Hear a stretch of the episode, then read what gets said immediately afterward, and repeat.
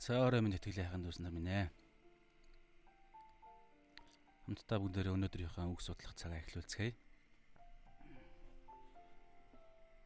За би залбираад хамт эхлэе. Эзэн минь энэ цагтаа та хамт байж өнөөдрийн судлах хэсгээр дамжуулан эзэн та бидний оюун ухааныг шинчлээч шинэ гайхалтай сүнслэг үнний олон зүйлсүүдийг эзэн ойлгож ухаарч эзэн бид өөрчлөгдөхийг таны хаанчлал дотор эзэн хөв тавиландаа гарахыг хүсэж байна эзэн та бидэнд туслаач тэгээд ариун сүнс бурхан тань руу бас хандаж байна. Тэгээд бүх зүйлийг танд даатах Есүсийн нэрээр бурхан аав руу хандаж байна. Амен. За өнөөдрийн хэсэг бол Матай Матай зааж Матай а 12 дугаар бүлгийн 33-аас 37 гэсэн хэсэг байна. За би уншия мод ба үр жимс гэсэн гарчигтай юм байна. За уншлаа. Мод сайн аваас үр жимсэн сайн. Мод муу аваас үр жимсэн муу. Учир нь мод үр жимсээрээ танигдана. Хорт могоон удмаа та нар ёрын муу атлаа сайныг ярьж яаж чадна вэ? Учир нь зүрхнийхээ бялхлаар ам ярьдаг.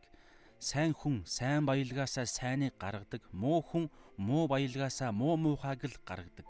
Би та нарт хэлье. Бодлогогүй хэлсэн үг бүрийнхээ төлөө хүмүүс шүүлтийн өдөр тайлагнах болно.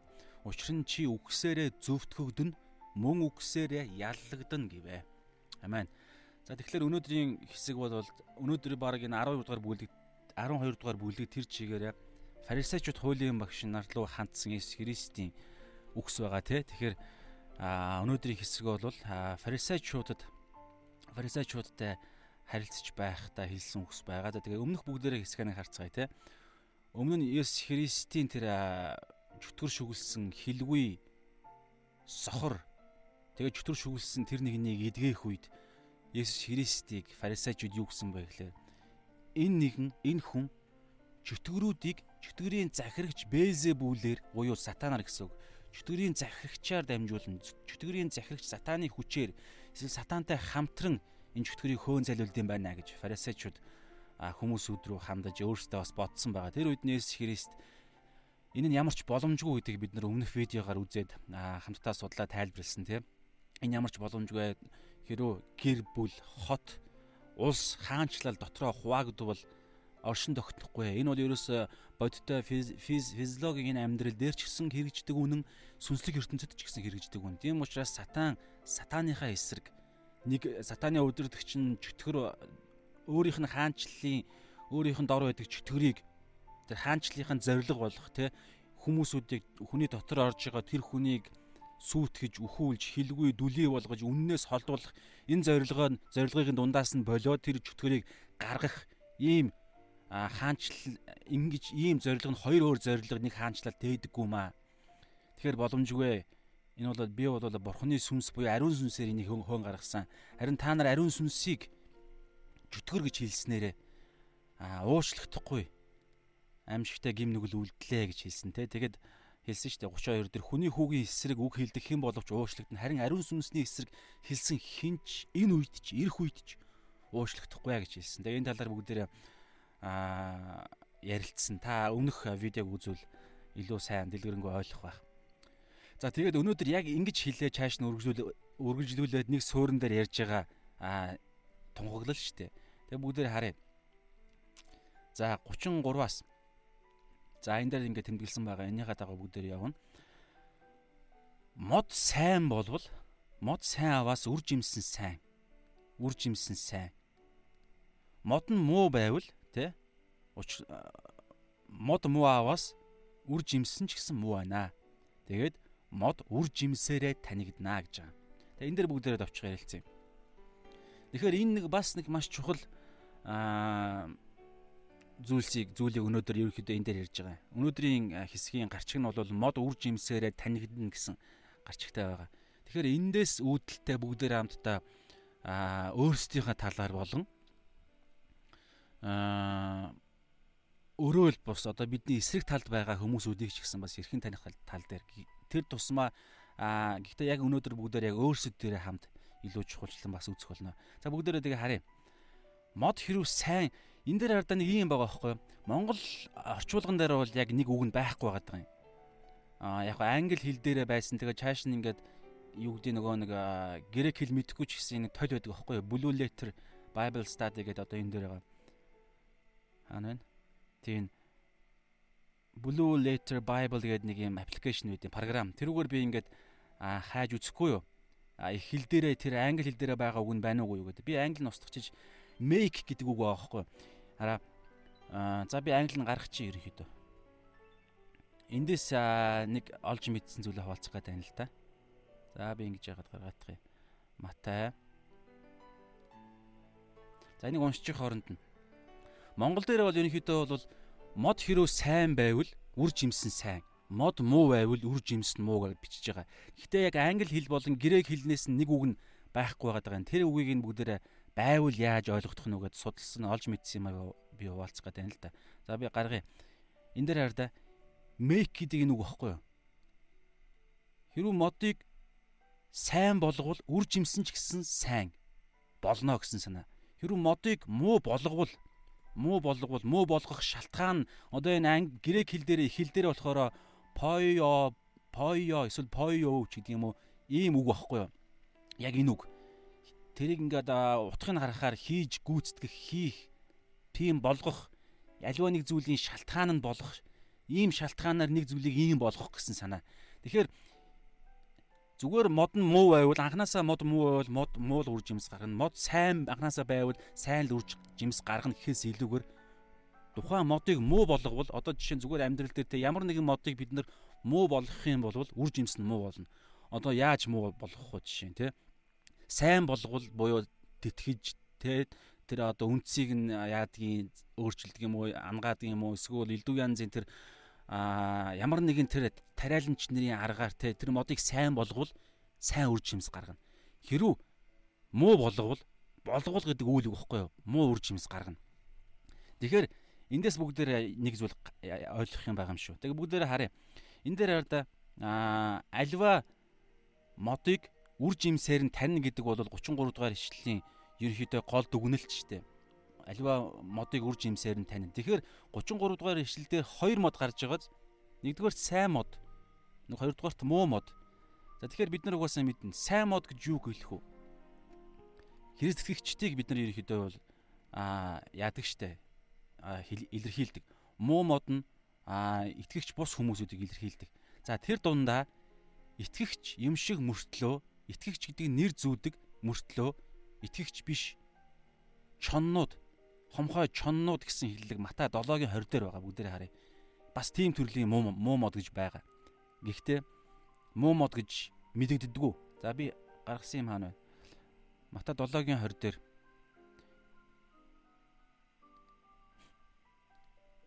За Матай би үгэн гаргацсан байсан. Устгацсан байна. Матай 7-гийн 20 дээр юу гарч байгаа вэ гэхээр аа нөгөө юу фарисеучуд за хуурамч иш үзүүлэгч нарын талаар Матай 7-гийн 20 дээр хуурамч иш үзүүлэгч нар болохоор гаднаасаа мэдэгддэггүй. Бурхны иш үзүүлэгч гэсэн нэр зүүж явдаг мөртлөө явдаг. Тэгээ тэднийг таних тулд яах вэ гэхлээр Есүсийн за бүгдээр харъя. А мод ба үр жимс гэсэн хэсэг байгааз.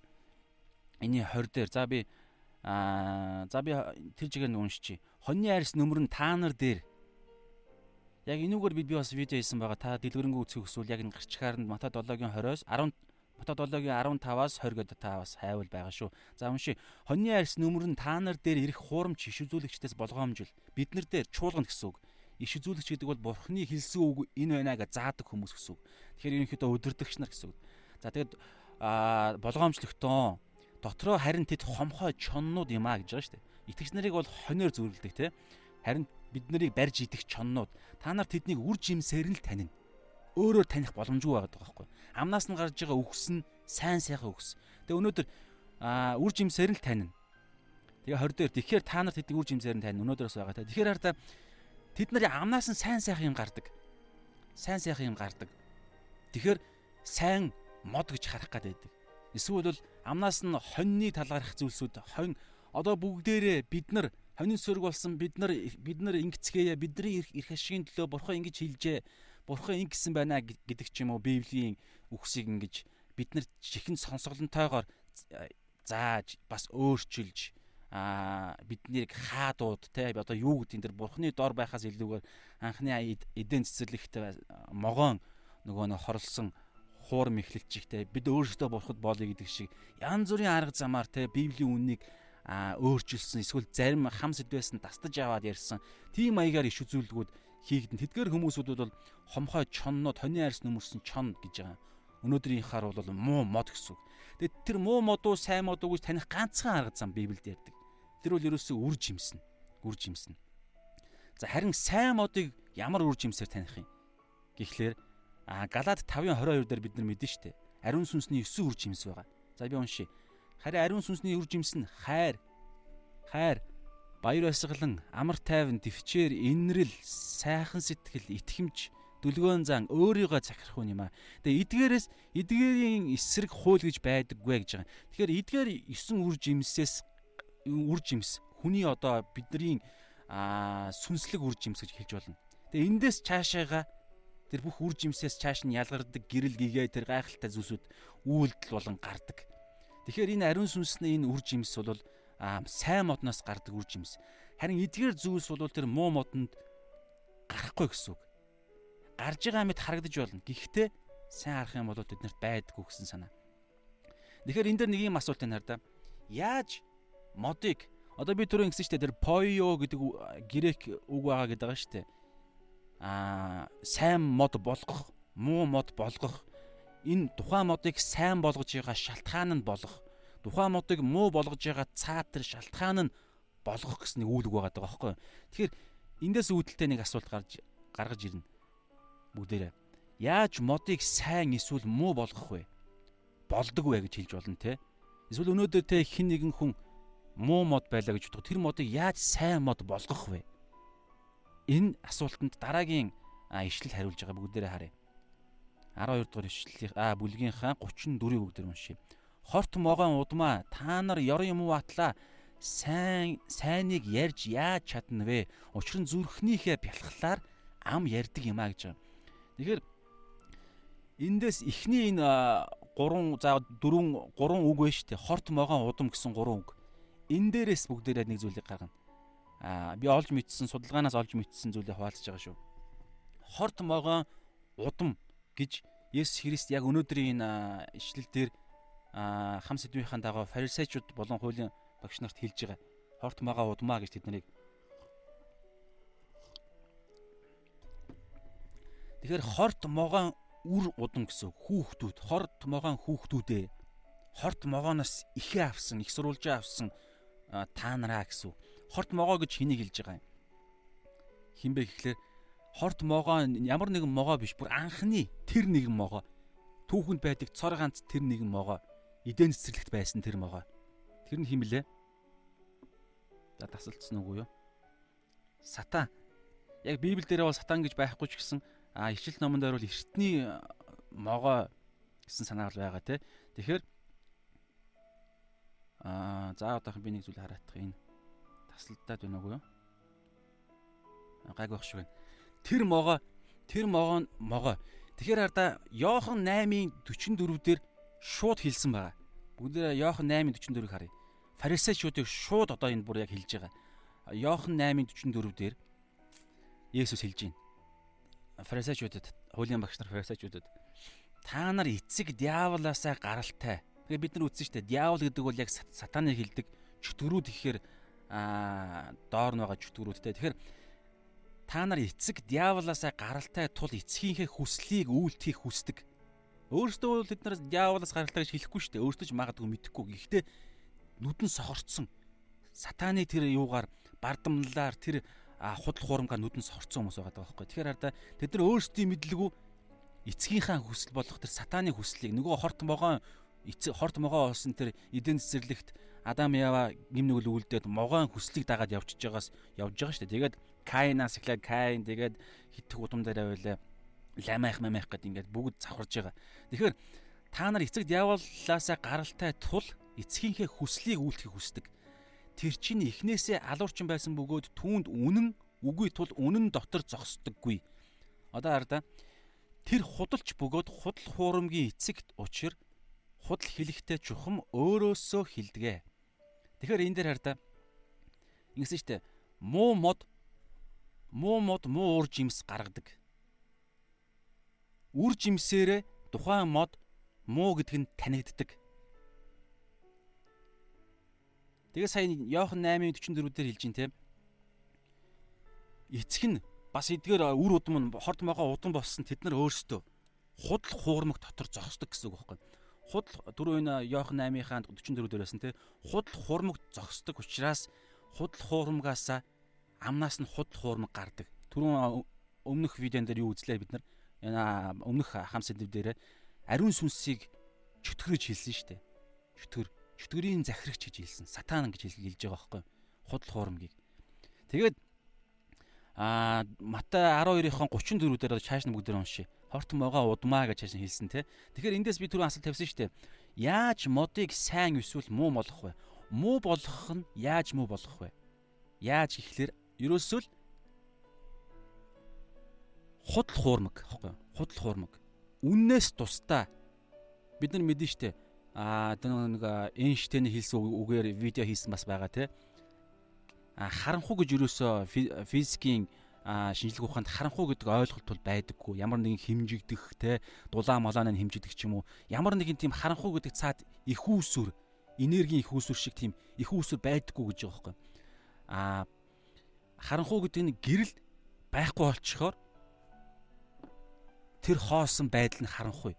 А үүнтэй адилхан Эйнштейн юуг харьцуулж байгаа вэ гэхээр а бузар мууг бузар муу гэдэг тэр бас ирч хүч цаанаасаа тэр энергитэй тийм нэг юм бузар мууд ирч хүч байдаг гэсэн ойлголт байдаггүй гэж байгаа байхгүй. Бузар муу нь өөрөө нэг юм хүчтэй тийм нэг юм айхтар амар тийм өөрөөс нь энерги хүч гарч идэг юм биш. Юу вэ гэхээр сайн сайхан бурхан гэсэн үг юм ихэд. Бурхан болон бурхнаас бурхныг тээсэн, бурхныг тусал болсон, бурханлаг хүмүүс, бурхны үннүүд гэдэг юм уу те. Бурхан байхгүй болчхоор тэр байхгүй байгаа хоосон орон зайд шууд автоматар бузар муу ноёрхож эхэлдэг. Харанхуй ноёрхож эхэлдэг. Бузар муу ноёрхож эхэлдэг. Тэгэхээр яаж альва бүтээл муу болоод байгаа вэ? Альва мод муу болоод байгаа вэ гэхээр үнэн байхгүй болчхоор бурхны үнэн байхгүй болчихоор тийм учраас өнөөдөр чуулганд альва нийгэмдтэй Христ итгэгчид дуурхаа болоод Христ итгэгчнэр үнэн байр суурин дээр зогсгоо болоод ирэхээр сүнслэг ойлголтоор шүү. Нөгөө сүнслэг аврал нь сүнслэг гэрэл гийг нь ерөөсөө ямарч байхгүй болохоор цаанаасаа бузар муу сүнслэг бузар муу сүнслэг сатааны хүч ноёрхоод эхэлж байгаа байхгүй. Тийм учраас итгэгч нар бид нар цорын ганц бурхныг тусгал болгодог бид нар гэрэл давас бид нар элчин сайд нь бид нар чуулган нь бид нар эргэтнүүд нь одоо юу гэж хэлж болох вэ? Бид нар л байгаа юм. Бид нар гэж хэлж болно ерөөсө та би өөр хинч биш. Миний эргэн тойронд байдаг хүмүүсэд зөвхөн би л илгээгдсэн. Таны эргэн тойронд байдаг хүмүүсүүд та л илгээгдсэн. Тэгэхээр та дугаа болоод та би худлах хурмаг ил гарч ирэх үед бид нар энэ зүйл худал хуурыг хуурмаг юмаа гэдгийг нь илчлэхгүй болвол тухайн худал хуурмаг хүчтэй болно гэсэн. Бид нар хүч шууд үннийг илчлэх юм бол бид нар ямар нэгэн тийм хүч гаргах шаардлагагүй. Зүгээр үннийг илчлээл тавихад л худал хуурмаг аяанда байхгүй болно. Яагаад вэ гэхээр тэн чинь нэг юм хүч биш байхгүй юу? Үнэн нь өөрөө хүч. Үнэн дугаа болохоор л хүчтэй юм шиг харагдаад байгаа. Тэгэхээр үнэн илчлэгдэх үед бүтээл нь тэр чигээрээ бүтээлийн онцлог нь бурхны дүр төрхөөр бүтээгдсэн учраас үнэн илчлэгдэх үед үнэн хараад цаад мэс чанараараа шууд үннийг мэдэрдэг хүлээж авдаг байхгүй ямар ч хүн бурхны дүр төрхөөр бүтээгдсэн тэр юм цаад мэс чанар нь байдаг учраас бидний үүрэг бол зүгээр үннийг гаргаж ирээл тавих. Яг үннээр нь ичиж айдаггүй. Ягаад тэгэхээр бид нар юунаас ичих юм? Бид нар хамгийн агуу дээд тавилан бүтээгч бурхны талд байгаа, үнний талд байгаа юм чинь бид бид нар ичих юм бол жинхэнэ худал хуурмаг бид нарыг ичүүлж ичээж эхэлнэ. Худал хуурмаг хүчтэй болж Тэгэхээр нөгөө худал хуурмыг мэдэхгүй нөгөө хүмүүсүүд чинь хэдийгээр бурхны дүр төрхөөр бүтээгдсэн ч гэсэн үнэн өөр нэг сонсгох, өөр нэг харьцуулах сонголт нь болох юм бид нар хэлэхгүй болвол тухайн зүйлийг шууд аваад тэгэл нөгөө нэг за бузар муугийнхаа нөгөө хорт могоон үр удмынхаа тэр нөгөө нэг гимт мөн чанараараа шууд тэгэл тарих нь угаагдаал ерөөсөө а утсан хүүхэлтэйнүүд болж хөөрнө гэсэн. Тийм учраас альва модыг муу болгох болгож байгаа гол гол юм нь үнэн байхгүй болохоор. Тийм учраас түрүүн Йохан 8-ын 34 44 дээр хэлсэн шүү дээ. Худал хуурмаг хуурмгийг өөрөөсөө сатан өөрөөсөө ярьдаг. Тэгээ та нар бол худал хуурмгийг ярьдаг учраас хурт хорт могоон удан болж байгаа. За харин за тэгээ бүгдээрээ 34-ийн 2 дугаар хэсгийг хауншээ бүгдээрээ. Та нар ёрын муу атлаа. Одоо энэ дээрээ яаж чинь нэг юм а одоо юу гэдэг жам ёсны биш нэг үзэгдэл болоод байгаа байхгүй юу? Тэрийг Есүс Христ илчилж тэгээд энэ зүйлд жам ёсны одоо юу гэдэг те за би өөрийнхөө хэллэгээр өксийн сангараа л илэрхийлж байгаа шүү. Энэ зүйл одоо жам ёсных биш. Энэ зүйл яг энэ зүйл үргэлж иймээрээ байхгүй гэсэн санаа. За бүгдээр уншия юу ч гэсэн. Та нар ёрын юм уу атлаа сайныг яаж ярьж чадна вэ? Ярьж яаж чадна вэ? Энэ асуулт. Яагаад энэ ингэж асууж байгаа вэ гэхээр энэ нэг үнэн стандартаас өөр юм тэд нар хийгээд байгаа байхгүй. Үнэн стандарт нь юу вэ? Зүрхний бэлхлаар ам ярддаг. Гэтэл та нарын зүрх хардаа ёрын юм уу атлаа? Яагаад ам чинь ёрын юм ярихгүй сайн юм ярьж байгаа вэ? гэж гэдэг асуулт шүү дээ. Одоо харж гин үү? Нөгөө нэг хоёр нүүр нөгөө нэг үр жимсээр мод үр жимсээр танигдана. Үр жимсийг нь харахгүй байвал үр жимс гэдэг чинь ерөнхийдөө түрүү Мата 7-гийн 20 дээр хэлсэн 20 дээр байгаа ишлэлийн багц ишлэлээр бол бид нар юу гэж хэлж болох вэ гэхээр амнаас гарч байгаа үг нь бол биш. Өнөөдөр бол бид нар үзэхдээ бол тодорхой хэмжээнд нэгтэл нь мөнгө гэж харна. Гэхдээ зүрхэнд байгаа одоо энэ Матай 12-ын 34 дээр бол та нар ёрын юм уу атлаа буюу та нар та нарын зүрх чинь одоо бүр учир нь зүрхний бэлхлаар гэж бэлхах гэж ярьж ярьж штэ. Тэгэхээр та нарын зүрх чинь ёрын муугаар бэлхдэг мөртлөө яаж та нар сайныг ярьж чадна вэ? Тэгэхээр сайныг яаж чадж байгаа байхгүй юу? Энийг бид нар маш сайн ойлгох хэрэгтэй. Тийм учраас Матай 7-гийн 20-д бид нар түр үзсэн штэ. Мод а та нар дээр ирэх хуурамч иш үзүүлэгчд буюу хомхой чоннууд гэж ярьсан дээ. Тэгээ бид нар хальт харах юм бол тэд нар сайныг ярьж чадж байгаа юм. Амнаас нь амаараа сайныг ярьж чадна. Тийм учраас зөвхөн бид нар тэд нар хин нэгэн одоо юу гэдэг юм ямар нэгэн бурхнаас гэсэн нэр зүүсэн библийг ишлэлийг зааж байгаа гэсэн нэр зүүсэн хүн эсвэл сошиал ертөнцид библийн ишлэл тавьсан хүн л байх юм бол Тэгээд тэрийг тодорхой хэмжээнд зүгээр одоо хаасаагүй Библийн номын сангууд дээр зөндөө олон номууд байгаа. Аль нэг нь уншиж байгаа судлаад нэг теолог гаргаж ирээл бичиж болно шүү дээ. Хинж итгэж биш хүмүүс хүртэл болно. Эрүүл ухаанаар бүгд бичигддэг учраас а бүх хүнд хаалга нээлттэй байдаг учраас эрүүл ухаанаар л бурхан бүгдийг аврах аврахыг хүсдэг учраас итгэж биш хүн хүртэл ойлгох ойлгож чадхаар байгаа. Тийм учраас уншаал нэг зүйл теолог нэг багажаа болгож гарч ирээл тэгэл библийн ишлэгийг зааж хинч чадна. Тэгэхээр ингэж ярьж байгаа нь болохоор тухайн модны үр жимс нь биш байхгүй юу? Тэрийг бид нар үр жимсэж харах юм бол бид нар шууд буруу төгөлт хүрээд энэ мод сайн мод байна гэд хорын хорт могоо удан болсон хин нэг нэг бид нар өөрсдийнхөө бурхны үр үр удам гэж харах аюултай тий. Харин үр жимсгэж юу ярьж байгаа гэхээр түрүү ярьсан шүү дээ. Одоо энэ Галат 5-ын 22-оос 24 бид нар ариун сүнсний үр жимс гэж ярьсан. Харин өмнө нь байгаа махбодийн үйлс гэж байгаа. Тэрэн дээр харах юм бол тэн дээр байгаа зүйлсүүдийг л одоо энэ дээр би хальт харуулчих.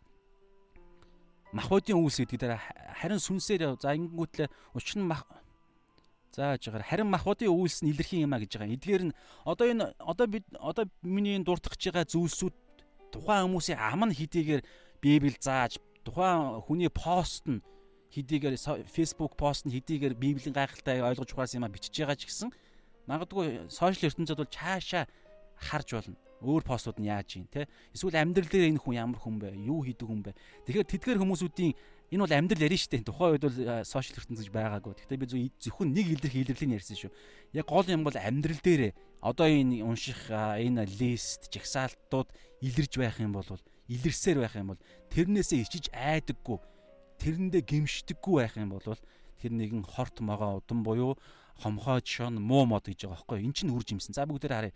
Махуудын үйлс буюу үр жимс гэж хэлж болохоор харин махуудын үйлс нь илэрхий юм а эдгээр нь завхаар л. За одоо эдгээрээс итгэгч хүмүүсүүд ч гэсэн эдгээр бид нар алдаад унаад бид нар өөрчлөгдөж яваа учраас үүлддэг штэ. Ялгаа нь юу вэ гэхээр итгэж хүмүүсийг нэг ялгаа нь гимшдэг. Буруу би яг нөгөө Ром 7 дугаар бүлгүүдээр байгаа Паул хэлсэг байгаа штэ.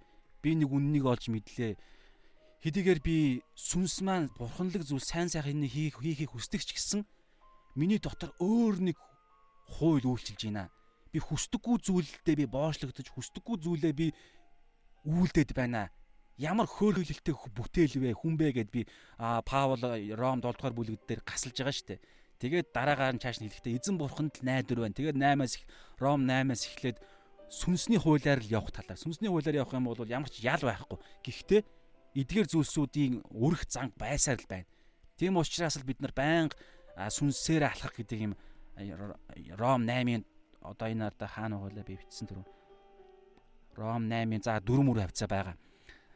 Сүнсээр явах юм бол бид нар махуудын одоо хууль махуудын хуулийг бид нар биелүүлж чадна гэсэн санаа. Тэгээ одоо би уншия. Эдгээр нь завхаар л нөгөө юуны ёрын муугийн үйлс нь үр жимсэн завхаар л Эдгээр энэ эдгээр үр жимсээр нь бид нар тухайн модыг тухайн хүнийг муу мод, тухайн хүнийг хомхой чон, тухайн хүнийг хорт могоон удам буюу итгэгч биш хүн гэдгийг нь таних боломжтой.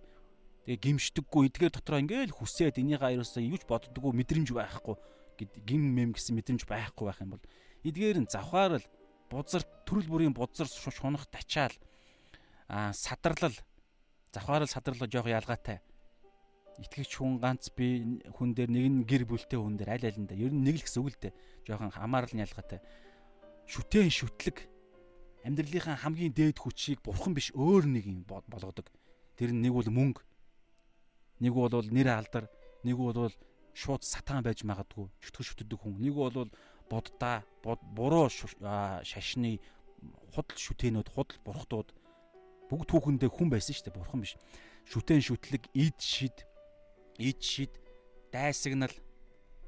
Дайсагнал маргаан хардалт уур хилэн харгалдаан хагарал тэрс үзэл атаархал аригталт утга учиргүй наргид сэнгэх зэрэг юм а би өөр та нарт сануулж байсан ч гэсэн урдчлан сануул ийм зүйлсийг өвлдөх чинь бурхны хаанчлалыг өвлөхгүй ээ гэж байгаа. Тэгэхээр итгэж хүмүүсүүд бурхны хаанчлалыг өвлцсөн мөртлөө эдгээр зүйлсүүд баг багаар эдгээр зүйлсүүдээс салдаг. Шууд эдгээр зүйлсүүдээс салдаггүй. Гэхдээ ялгаа нь үр жимс нь харагддаг, гимшдэг, шаналдаг, эрэл хайгуул хийдэг, яаж энэс салах уу гэж залбирдаг, гасалдаг. Тэр чин дахин төрсөн үний ялгаа. За тэгээд энийг энийг ярьж байгаа өнөөдрийн юм дээр бол аа тэднийг ингэж үр жимсээр нь таньнаа гэж байгаа. За одоо 34 дээр уншиж байгаа шүү дээ. Ёрын та нар ёрын муу атлаа сайныг яаж яаж ярьж яаж чадна вэ? Тэд нар зүрх нь ёрын муугаар дүүрэн мөртлөө худал хурамгаар гэж хэлж болно. Дүүрэн мөртлөө аман сайныг ярьдаг. Тэгээ ийм шудраг бус одоо ертөнц юм уу гэдэг асуулт надлаа төрж байна.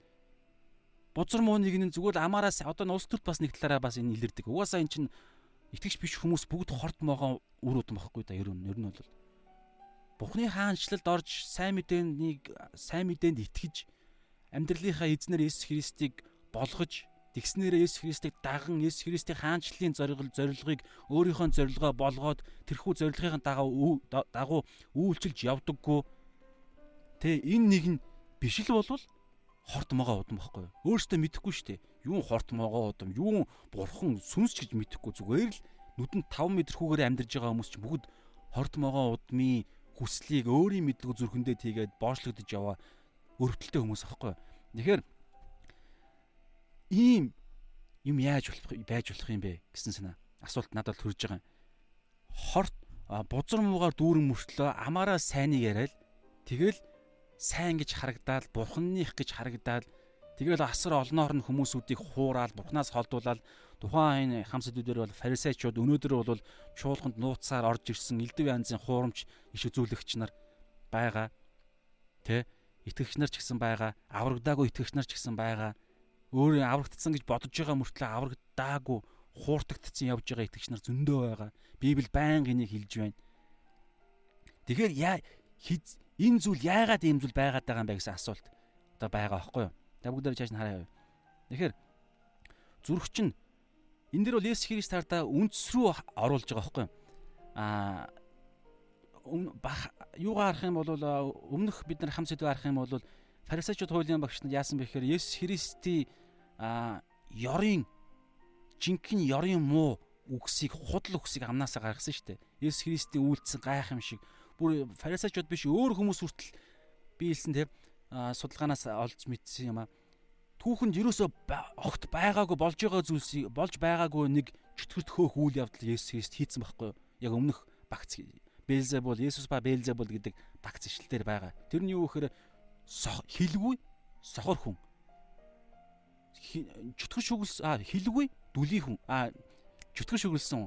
Тэгэхээр чөтгөр шүглсэн мөртлөө хилгүй хүнийг чөтгөрийг нь хөөж гаргах үйлдэл ерөөсөө түүхэнд болж байгаагүй боломжгүй гинэ. Бус нь бол фарисеучуд болон раби нар хийдэг байсан. Бурхныхаа ямар нэгэн тэр хууль муулийнхаа зааж хилж ирсэн тэр олж мэдсэн тэр уламжил янз бүрийн зүйлсээр. Харин хилгүй болчхоор а хөөх боломжгүй болчихж байгаа байхгүй. Тийм байдаг гинэ. Тэгэхээр тиймэрхүү үзэгдлийг хийх үед урд нь бас нэг бас энэ зүйл болж байгаа. Тэгэхэд ард иргэд тэр чигээрээ Израильд ийм юм юусоо болж байгаагүй. Энд чинь арай Давидын хүү нөгөө Месиа чи юм биш үү гэдэг итгэлт хөрөх гээд байх үед фарисеучуд ийм худал юм ярьж байгаа байхгүй. Нүдэн дээр нь гайхамшиг болчиход байхад тэд нар шууд өөрсдийнхээ эрх ашигын төлөө Есүсийг болон Есүсийн дотор байгаа тэр гайхамшигыг хийж байгаа ариун сүнсийг чөтгөр гэж доромжилж байгаа байхгүй. Тэгсэн мөртлөө өөртөө зүгээр нэг итгэгч харин үндэстний итгэгч биш хүн биш шүү дээ бурхны хүмүүс гэд нэрлэгдсэн хүмүүс. Бурхных гэж. Би сайн мод гэж өөрсдийгөө хэлээд байгаа байхгүй юу? Тэгсэн мөртлөө одоо энэ дээр яг энэ дээр 34 дээр хэлж байгаачлан аа сайныг ам ам нь ярьдаг. Бид нар бурхны ард түмэн бид нар бурхны иш үзүүлэгч нар бид нар бурхныг төлөөлж та нарт зааж гинэ гэж байнга ярьдаг мөртлөө зүрх нь ёрын муугаар дүүрэн гэдгээ сая баталчихж байгаа байхгүй юу? Тэр нь Тэгэхээр фарисеучуд эн чинь бас хоёр нүүрсний аа таних тэмдэг. Өнөөдөр чуулганд өнөөдөр бидний иргэн тойронд байгаа.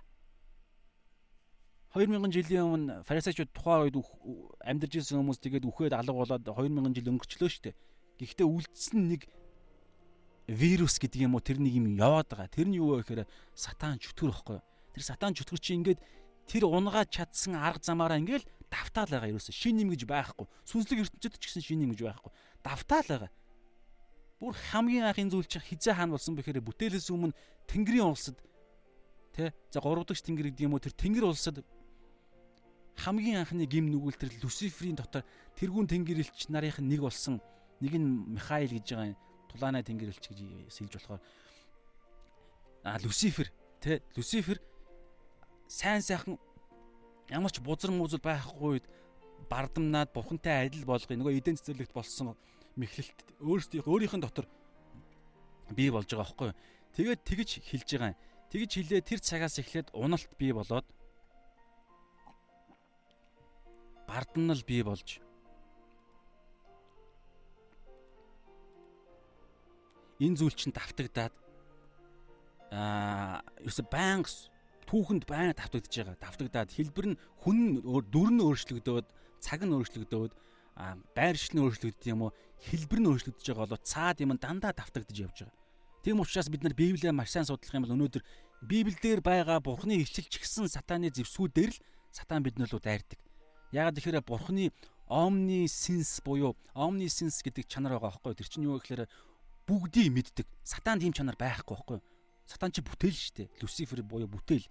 Бурхан өөрөө сатан Люциферийг өөртөө өөрчлөхөөр бүтээсэн боловч арай илүү өөгдөлтөөр бүтээсэн чинь нөгөө гар чинь бардамнаад бурхнаас салаад бурхан би өөрөө бурхан болно гэд бурхнаас салах үед нөгөө түрүү ярьсан шүү дээ бузар муу бурхан байхгүй болох бурхнаас салаад тусдаа оршиж болох юм бол шууд бузар муу гэдэг хиллэгт орж байгаа байхгүй бас гэрлээс салчих юм бол шууд ханах уу гэдэг юм би болж байгаатай адилхан бурхнаас салсан чинь Люцифер ч өөрөө сатан болж хувраад бурхан өөрөө хөөж салгаж байгаа л та. Тамыг галт нуурыг бүтээгээд. Тэгэхээр тэр үед тэгээд бурхнаас салаад тэгээд тэр чинь өөрөө бузар муу гэдэг хүчтэй болоо. Тэгээд хамгийн гол нь сүнс учраас сүнслэг оршихуй учраас бид нар ч гэсэн сүнслэг оршихуй шүү дээ. Тэр утгаараа ингээд вирус нь байгаад байгаа байхгүй юу? Хэдийгээр тухайн үеийн яг Есүстэй ярьсан энэ фарисегийн нэрийг хэн гэдэг байсан бид нар мэдэхгүй. Тэр хүн үхээд алга болцсон үхээд махан биеийн үхээд өөрөө бол доошоогоо үхсдийн оронд тэгээ чаашлах юм бол тамд нь байгаа. Одоо дарчилж байгаа. Гэтэ галт нуур нь биш шүү. Тамд байгаа. Шүүлтэн өдрийг хүлээгээд мөнхийн шийтгэлээ авах гээд тамд Тэгэд харин тэр унгаас нь нэг нь болох тэр жүтгэрөө тэр сатан өөрөө явж байгаа. Яагаад гэвэл сүнслэг сүнслэг оршихуй учраас мөнхөд оршино. Тэгээд тэр товлсон цагаас наан ингээд энэ дэлхий дээр ингээд Бурхны тэр хайрын удаашрлаас бол удаашрлалаар бид нар ингээд бурхан өөрийнхөө ард түмний аврах гад энэ удаашрлыг бий болгож штэ. Олон хүмүүсүүд бүх хүмүүсүүд сайн мэдээ сонсох. Тэгээ энэ дунд сатан ажиллаад байгаа байхгүй юу? Ашиглаад энэ дунд одоо нөгөө нэг бурхантай хаанчл бурхны хаанчлалтаа уралдаж ийна гэж болно. Бузар мөгийн хаанчлал бурхны хаанчлал хоёр уралдаж бие биенийгаа дээрмж байгаа өмнө урдны видеонд бид нар үзсэн дээ.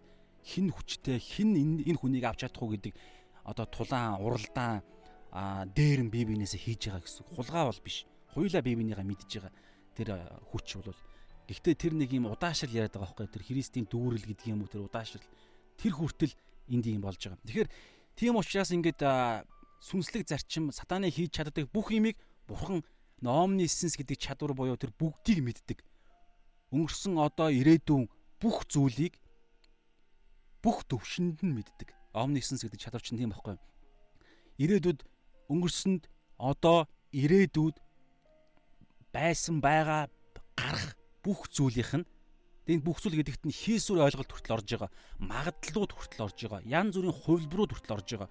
Аливаа сонголтоор хийгдэх бүх хувилбарууд гээд ерөөсө бүх эдис бүх төвшөнд ямар одоо нөгөө нэг бид нар баг үед баг байхдаа те хувь тавилан би л хувь тавилан мавилан те бурхан бурхан байдаг те намайг ингээд энэгүй энэ замаар явна гэд намайг хувь тавилан намайг шийдтсэн байгаа гэж гэдэг ойлголт ойлголтыг бид нар бодох үедээ Ингээл тэ одоо шонгийн мод зодоор ингээл явхдаа би л тэгдэг байсан. Та нараас тэгдэг байсан үгүй мэдгүй. Энүүгээр нь явах гэснаа бурхан гэж байдаг бол айгуул намайг энүүгээр яв гэж хувь тавилан хэлж шийдтсэн байгаа та гэж бодонгуудаа ингэж яваад тэгснэ ингэж ингэж явах гэж байгаад ингэж явна гэдгийг бас мэдж байгаа юм биш байгаа гэдээ ингэж явдаг ч юм уу те. Тэгээ ингэ явж магаад иймэрхүү. Тэгэхээр яг энэ одоо юу гэдэг иймэрхүү хүүхдийн юм шиг ойлголт боловч бүх хувилбарууд одоо сайн бол зөвхөн шонгын мод ярьж байна те. Гэтэл сонголтын дээр хүртэл энэ сонголтыг хийхэд ямар үр дагавар гарч болох вэ? Ямар үр дагавар хоорондоо яаж энэ хоорондоо огтлцох вэ? Тэндээс цааш нь ямар үр дагавар гарах вэ? Зөвхөн сонголтын дээр эсвэл өөрөд юу байдгийг хийсвэр ойлголт мойлголт тэгэл бүх юмны бүх юмыг мэддэг. Бурхан чанар нь өөрөө omni sense гэдэг чанар аахгүй юу? Бүх мэдлэг гэдэг үг. Omni science буюу мэдлэг, бүх мэдлэг. Сатанд ийм байхгүй. Гэхдээ сатаныг мэддэг бүх зүйлсийг нь бурхан мэддэг. Тийм учраас Библиэлд бүх зүйл ичлэгдсэн байгаа байхгүй юу? Тийм учраас бид нар Библиэс судалж зарч сатаныг яаж ажилдаг зарчмыг нь олж мэдээд өнөөдөр энэ дотроо тээчих юм бол эн чинь багаж болж хувраад бид нар зөвхөн мэдлэгийг авч авчлаа штэ ойлгоод гэхдээ амьдрал дээр яг нөгөө нэг шонгийн модон тулгарх үед ариун сүнс энэ дотроос чинь аваад биднэрт санах, сэрэх, заах, залруулах арга замаараа биднэрт хэлж өгөх байхгүй. Харж ийн үү? Яг одоо жүтгэр энэ энэ сул дорой байдлыг ашиглаж энэ хувийн хувийн эрх ашиг ашигыг чинь ашиглаж энэ дээр ингэж чамайг бүдрүүлэх гэж байна. Библиэд санаж ийн үгээд харж ийн үү? Би наан мэдсэн байх хэвээр. Хэрвээ мдээгүй бол ингэж чадахгүй. Сатан ярих гэдэг хичнээн ярих гэж оролцсон ч гэсэн бид нар сатаныг сонсч чадахгүй. Бидний чих сүнс маань нөгөө нэг хорт могоон тэр удмынхаа үр дүнгээр бид нар ингэж халгалагдаж тэ үхэж дүлий болж сохор болж харалган болсон учраас чадахгүй харин Библи уншаад судлаад олоод мэдчих юм бол тэр мэдлэгээрээ дамжуулан бидний сүнслэг тухайн сэдвийн дагуух үнэн үннийг үнний тэр хүлээж авж байгаа тэр сэтэл маа тухайн тэр чад сүнслэг тал маа нэгдчихэж байгаа байхгүй ойлгоц энэ дотор ойнс ой тогтоолтонд орцсон яг тухайн зөв ойлгож зөвхөн библи ишлэл хийжлэх биш шүү цаа зарчим үннийг нь олж хараад Тэгээд ингэсэн тохиол тэгээ мартаж болно. Угаасаа бид нар мартна. Гэхдээ яг хэрэгцээтэй үед ариун сүнс сануулдаг аахгүй. Эн чинь өөр ариун сүнстэй хүмүүсүүдийг ялгаа нь. Тийм учраас итгэгч хүн Библийг судлаад амьдрал дээр хэрэгжүүлж чаддаг. Итгэгч биш хүн судлаад ойлгож болох боловч амьдрал дээр хэрэгжүүлж чадахгүй байхгүй. Яагаад гэвэл дотор нь бузар муугийн а удирдлага байгаа учраас хичнээн оюун ухаанаараа хүнийхээ бүтээлийнхээ онцлогоороо сонголтоороо бид нар библийг бид нар ч яг тухайн үл итгэгч эрдэнтэн ч юм уу ингээд а гүн ухаантай хинж байдیں۔ Тэр ингээ библийг судлаад ойлгоо мэдсэн ч гэсэн яг амьдрал дээр нь хэрэгж сонголт гарч ирээд үнэн худлын сонголт гарч ирэх үед үнэн хэдийгээр мэдсэн ч гэсэн ойлгох зүрхэндээ биш шүү. Ойлгож хэрэг зүрхэндээ байсан бол итгэх байсан. аа зүрхэндээ биш толгоогоор ойлгосон ч гэсэн яг хийх үед зүрхийг нь өөр юм эзэмдэж байгаа. Зүрхийг нь өөр худал түрүүн ярьсан хорт могоо удмын дагуу зүрхийг нь худал хуурмаг эзэмдэж байгаа учраас тэр нэг юм мэдлэгийг нь мартуулаад худал хуурмаг нь гарч ирээл тэгэл бардамд одоо юу байдгийг элдв янзын ямаар гарч ирээл буруу сонголт хийгээ аваа явахгүй. Тийм учраас итгэж хүний ялгаа нь ерөөсөө нэг талаараа энэ. Тэгэхээр яадаг вэ гэхээр тавтагдж байгаа. Энэ бузар муу энэ нөгөө хорт моогоо удмаас гардаг хорт моогоо удмыг хийдэг тэр худал хуурмаг хуурмаг арга зам сүнслэг бузар муу гим нүглийн сорилт морилт тэр бүх зүйлс чинь давтагдж байгаа учраас бид нар сайн судалж ойлгож ухаарах хэрэгтэй байгаа. Тэгээ энэ дээр 34 дээр бид нар явж байгаа шүү дээ. Та нар ёрын муу атлаа сайныг ярьж яаж чадна вэ? Учир нь зүрхний бэлхлаар ам ярддаг. Тэдний зүрх нь хорон муу мөртлөө хорон муу хүслийнхаа төлөө чуулганд орж ирж байна. Хорон муу хүслийнхаа төлөө тэ а өөр нэгэн болж хуурж байгаа. Хоёр нүур. Тийм учраас өнөөдөр чуулганд ч гэсэн энэ байдаг. Тэр утгаа бидний дотор ч гэсэн тодорхой хэмжээнд байгаа. Тэр юу гэхээр нөгөө Иремья дээр хэлж байгаа. Иремья 17-гийн 9 дээр юу гэж байгаа вэ гэхээр зүрх бол хуурамч, эдгэршгүй өвчтэй гэж байгаа байхгүй юу? Энэ бол бүтээл одоо унсан бүтээлийн унс унсан бүтээл гэдэг юм уу? Унсан бүтээлийн эмгэнэлтэй үнэн багхгүй? Зүрх хүн болгоны зүрх юм. Тийм учраас итгэж болсон ч гэсэн хүний энэ идэгшгүй энэ зүрх байж идэг. Тийм учраас өөр нэгнээр л өөр нэг хүч оруулж ирж аа дүүрэхгүй бол болохгүй. За би нэг ярина. Гэтэ наан би бас нэг ярих юм уу яриад байгаа юм. Энэ дээр яг цаг нь ирэхээр би яг тодорхой ярив. За тэгээд чааш явъя бүгдээрээ. Аа за энийг ярьсан те. Тэгэхээр тэд нар бол амаараа Библийн үгсийг ярьдаг, заадаг байж болно. Чуулганд пасторууд хүртэл тийм пастор байгаа шүү. Байгаа. Библи байгаа гэж хэлж штэ. Тийм учраас байгаа гэсэн үг. Гэхдээ яг таны пастор тийм гэж биелээгүй. Библи гэж хэлээгүй. Шалгаараа гэж хэлж байгаа. Шалга байн эзэн хэл загтлууд дээр хэлж байгаа. Хаана гойлаа? Коринтер гойлоо хаана гойлоо?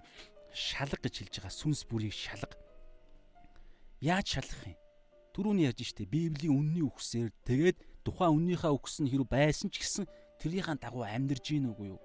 Гэтэ амьдарч чадахгүй ч гэсэн гимшиж болно штэ. Тэгэх юм бол тэр хүн өөрчлөгдөж явж байгаа гэсэн. Ерөөсөө гимшихгүй. Өөрөө тэрийг заадаг мөртлөө заадаг зүйлийнхаа эсрэгээр үйлдэх үед эн чинь харж гин хоёр нүүргэж гин аахгүй юу? Би бурхны юм заарж ин бурхан ингэж амьдр гэж хэлсэн та нар ингэж амьдраарай магадгүй би ч гэсэн ингэж амьдрдаг гэж хэлчихэд яг бодиттойгоор тэ хоёр ба түүнээс дээш гэрч гэж байгаа шүү дээ. Яг хоёр ба түүн хоёр ба түүнээс дээш тохиолдолд эсвэл хоёр ба түүнээс дээш хүн одоо гэрч гэрчирч гэдэг юм уу те тухайн тэр ингэж амьдраараа энэ бол хамгийн чухалтай ингэж амьдраараа би ч гэсэн ингэж амьдрдаг гэдэг юм уу ингэж заацсан мөртөө тэрийг үйлдэж эсрэгээр нь буруу нөгөө талыг нь үйлдэх юм бол нэг талаараа хоёр нуруулж байгаа. Гэхдээ тэрийг нь хэлэх үед гимшүүл биш шүү дээ. Гимших юм бол тэр чинь итгэж дахин төрсөн хүний шинж байхгүй юу? Бузар мууга харин мдээгүй гэж болно. Аа ямар нэгэн байдлаар нөгөө сул дорой байдлаасаа бардан байдал гэдэг юм одоо юу гэдэг элдв янзын зүйлсээр болоод тэгээд тийм учраас хугацаа өгөх хэрэгтэй гэсэн. Харин хэлээд хэлсээр байтал гимшихгүй өмөөрөөд одоо яа тийм байгаа мэдхгүй. Тэгээ хугацааны дааш ингээд яг нөгөөтний хിവэрэ байгаад байвал асуудалтай гэсэн. Гэхдээ энэ дээр ариун сүнсэл ерөнхийдөө заах байх. Тэг хамгийн гол нь чинь шүү дээ. Бид нар энэ үүний төлөө амьдарч байгаа юм биш шүү дээ. Хамгийн гол зүйл чинь бид нар бурхны үннийг энэ зүйлсийг одоо энэ тэ а энэ зүйлсийг олж мэдж байгаа бид нар өөрсдийгөө шалгах хамгийн гол нь өөрсдийгөө. Тэгээд өөрсдөө хин нэгнээр хин нэгний хохирол олж идэж болохгүй тулд бид нар лөө атаклж байгаа бид нарыг бурхны зүв замаар явхад ямар нэгэн байдлаар бид нар лөө дайралт хийгээд байгаа нэгнийг магадгүй шалах байх. Над тийм бодлож байна. Яагаад ингэж байгаа? Бурхны тэг шалгаад тэгээ үзэхгүй мдэггүй байвал ингэ цаашаа явдаг ч юм уу те. За ингээд та ариун сүнс болон та энэ тал дээр шаашаа өргөжлүүл явах байхаа. Тэг үйлдэл нь ёрын амаараа хэдийгээр ингээд зааж ярддаг ч гэсэн үйлдэл нь ёрын ходл ёрын муу байх юм бол зүрх нь худал хурамгаар дүүрэн байх юм бол а тэр нэг муу мод байх магадaltaй. За одоо хоёрдугаар хэсэг рүү гарыг бүгдээрээ. дараагийн асуулт. За худал хуурмаг хорт могоо удам муу мод. За Матай 7 дугаар бүлгүүдээр бид нар үзсэн чинь хомхой чоннууд, хоньны арьс нөмөрсөн хомхой чоннууд. Наана хонь гэж харагддаг мөртлөө хоньны имийг ярддаг мөртлөө хоньны сайн сайхны төлөө ярддаг мөртлөө цаана хоньныг барьж идэх зорилготой хомхой чоннууд наана үр жимс гаргадаг маргадаг гэж а би бол сайн мод би удахгүй сайхан үр жимс гарган марган юу гэдэг юм байгаа би бол сайхан мод байгаа би чамаас илүү өндөр мөндөр сайхан ярддаг мөртлөө үр жимс гардаггүй ч юм уу одоо тий тэгээд а хорт могоо удам үнэн үнэн ярддаг мөртлөө үнэнгээ үүлддэггүй яг үнний тал үнний талд орох сонголт нь гарч ирэх үед үнний талд ордоггүй худлын талд ордог. Яг амьдралын хэсэгтээ сонголт. Фарисей яг энэ өмнөх хэсэгдэр бол тэгсэн байхгүй. Яг өмнө нь юм үлдэгдсэн. Чөтгөрийг тэр Есүс Христ хилгүй болон сохор аа тэгээд чөтгөш үгүйсэн тэрний чөтгөрийг нь гайхам зөвхөн месиа буюу Христэл хийж чадах нэгний үйлдэлийг гайхамшиг ариун сүнсний сүнсэний хүчээр ариун сүнсээр хийгдэх үед ард иргэд нь хүртэл чинь Давидын хүү юм биш үү буюу Месиа грекээр бол Христ биш үү гэж асуух үед харж байна. Яг одоо сонголт нь ирж байгаа. Тэгэхгүй тухайн фарисеучуд бүр дэндүү тодорхой байсаар байтал иш үзүүлэгдэр хүртэл 330 гаруй иш үзүүлэгдэр хүртэл иймэрхүү эдгээр зүйлсүүдийг хэлсээр байтал тэд нар албаар худлын талд орж байгаа байхгүй. Тэгэхээр ерөөсөө өөр ямар ч ичлээд өгөхдөггүй.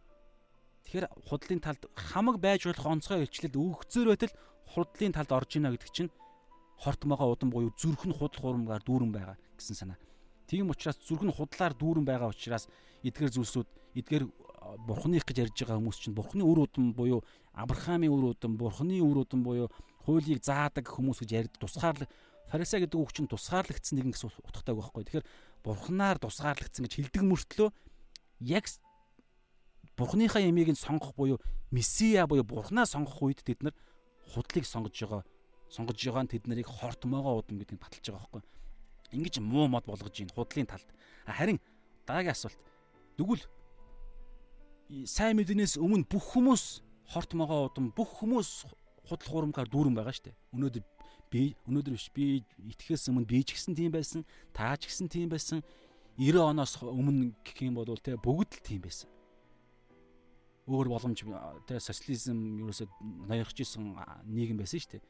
90 оноос хойш сайн мэдээ орж ирж байгаа. Хэдийгээр нийгэм улс төр нийгэм хэдийгээр тэ эдийн засагтай болж Монгол хүн гэдэг юм аа Монгол нийгэм хүчгүй бол болсон гэж улс судлаач нар ярьж байгаа шүү дээ. А тэгсэн ч гэсэн харж гинөө. Тэр нийгмийн эдийн засгийн нийгмийн улс үндэстний дорой байдал болгож байгаа юм шиг н ардчлаар дамжуулж тухайн хүний хамгийн хэрэгтэй юм хамгийн хэрэгтэй зүйл болох энэ дэлхий дээр амьдарч байгаа үхлийн дараах асуудлыг шийдэх сайн мэдээ ардчлаар дамжуулж орж ирж байгаа байхгүй. Ер нь глобалчлал, ардчлал чинь өөрөө бурхны маш чухал бас арга зам штэ. Есүс ч гэсэн Ромын глобалчлалын үед ирсэн штэ. Тэ Ромын бүх зам нээлттэй байсан. Нэг хаанчлал тухайн үед Ромын хаанчлал байсан. Тэгэхээр аа дараагийн асуулт. Тийм байсан хүмүүсүүд тийм хорт могоо удам тэгээ муу мод байсан хүмүүсүүдийг яаж? Одоо ч гэсэн.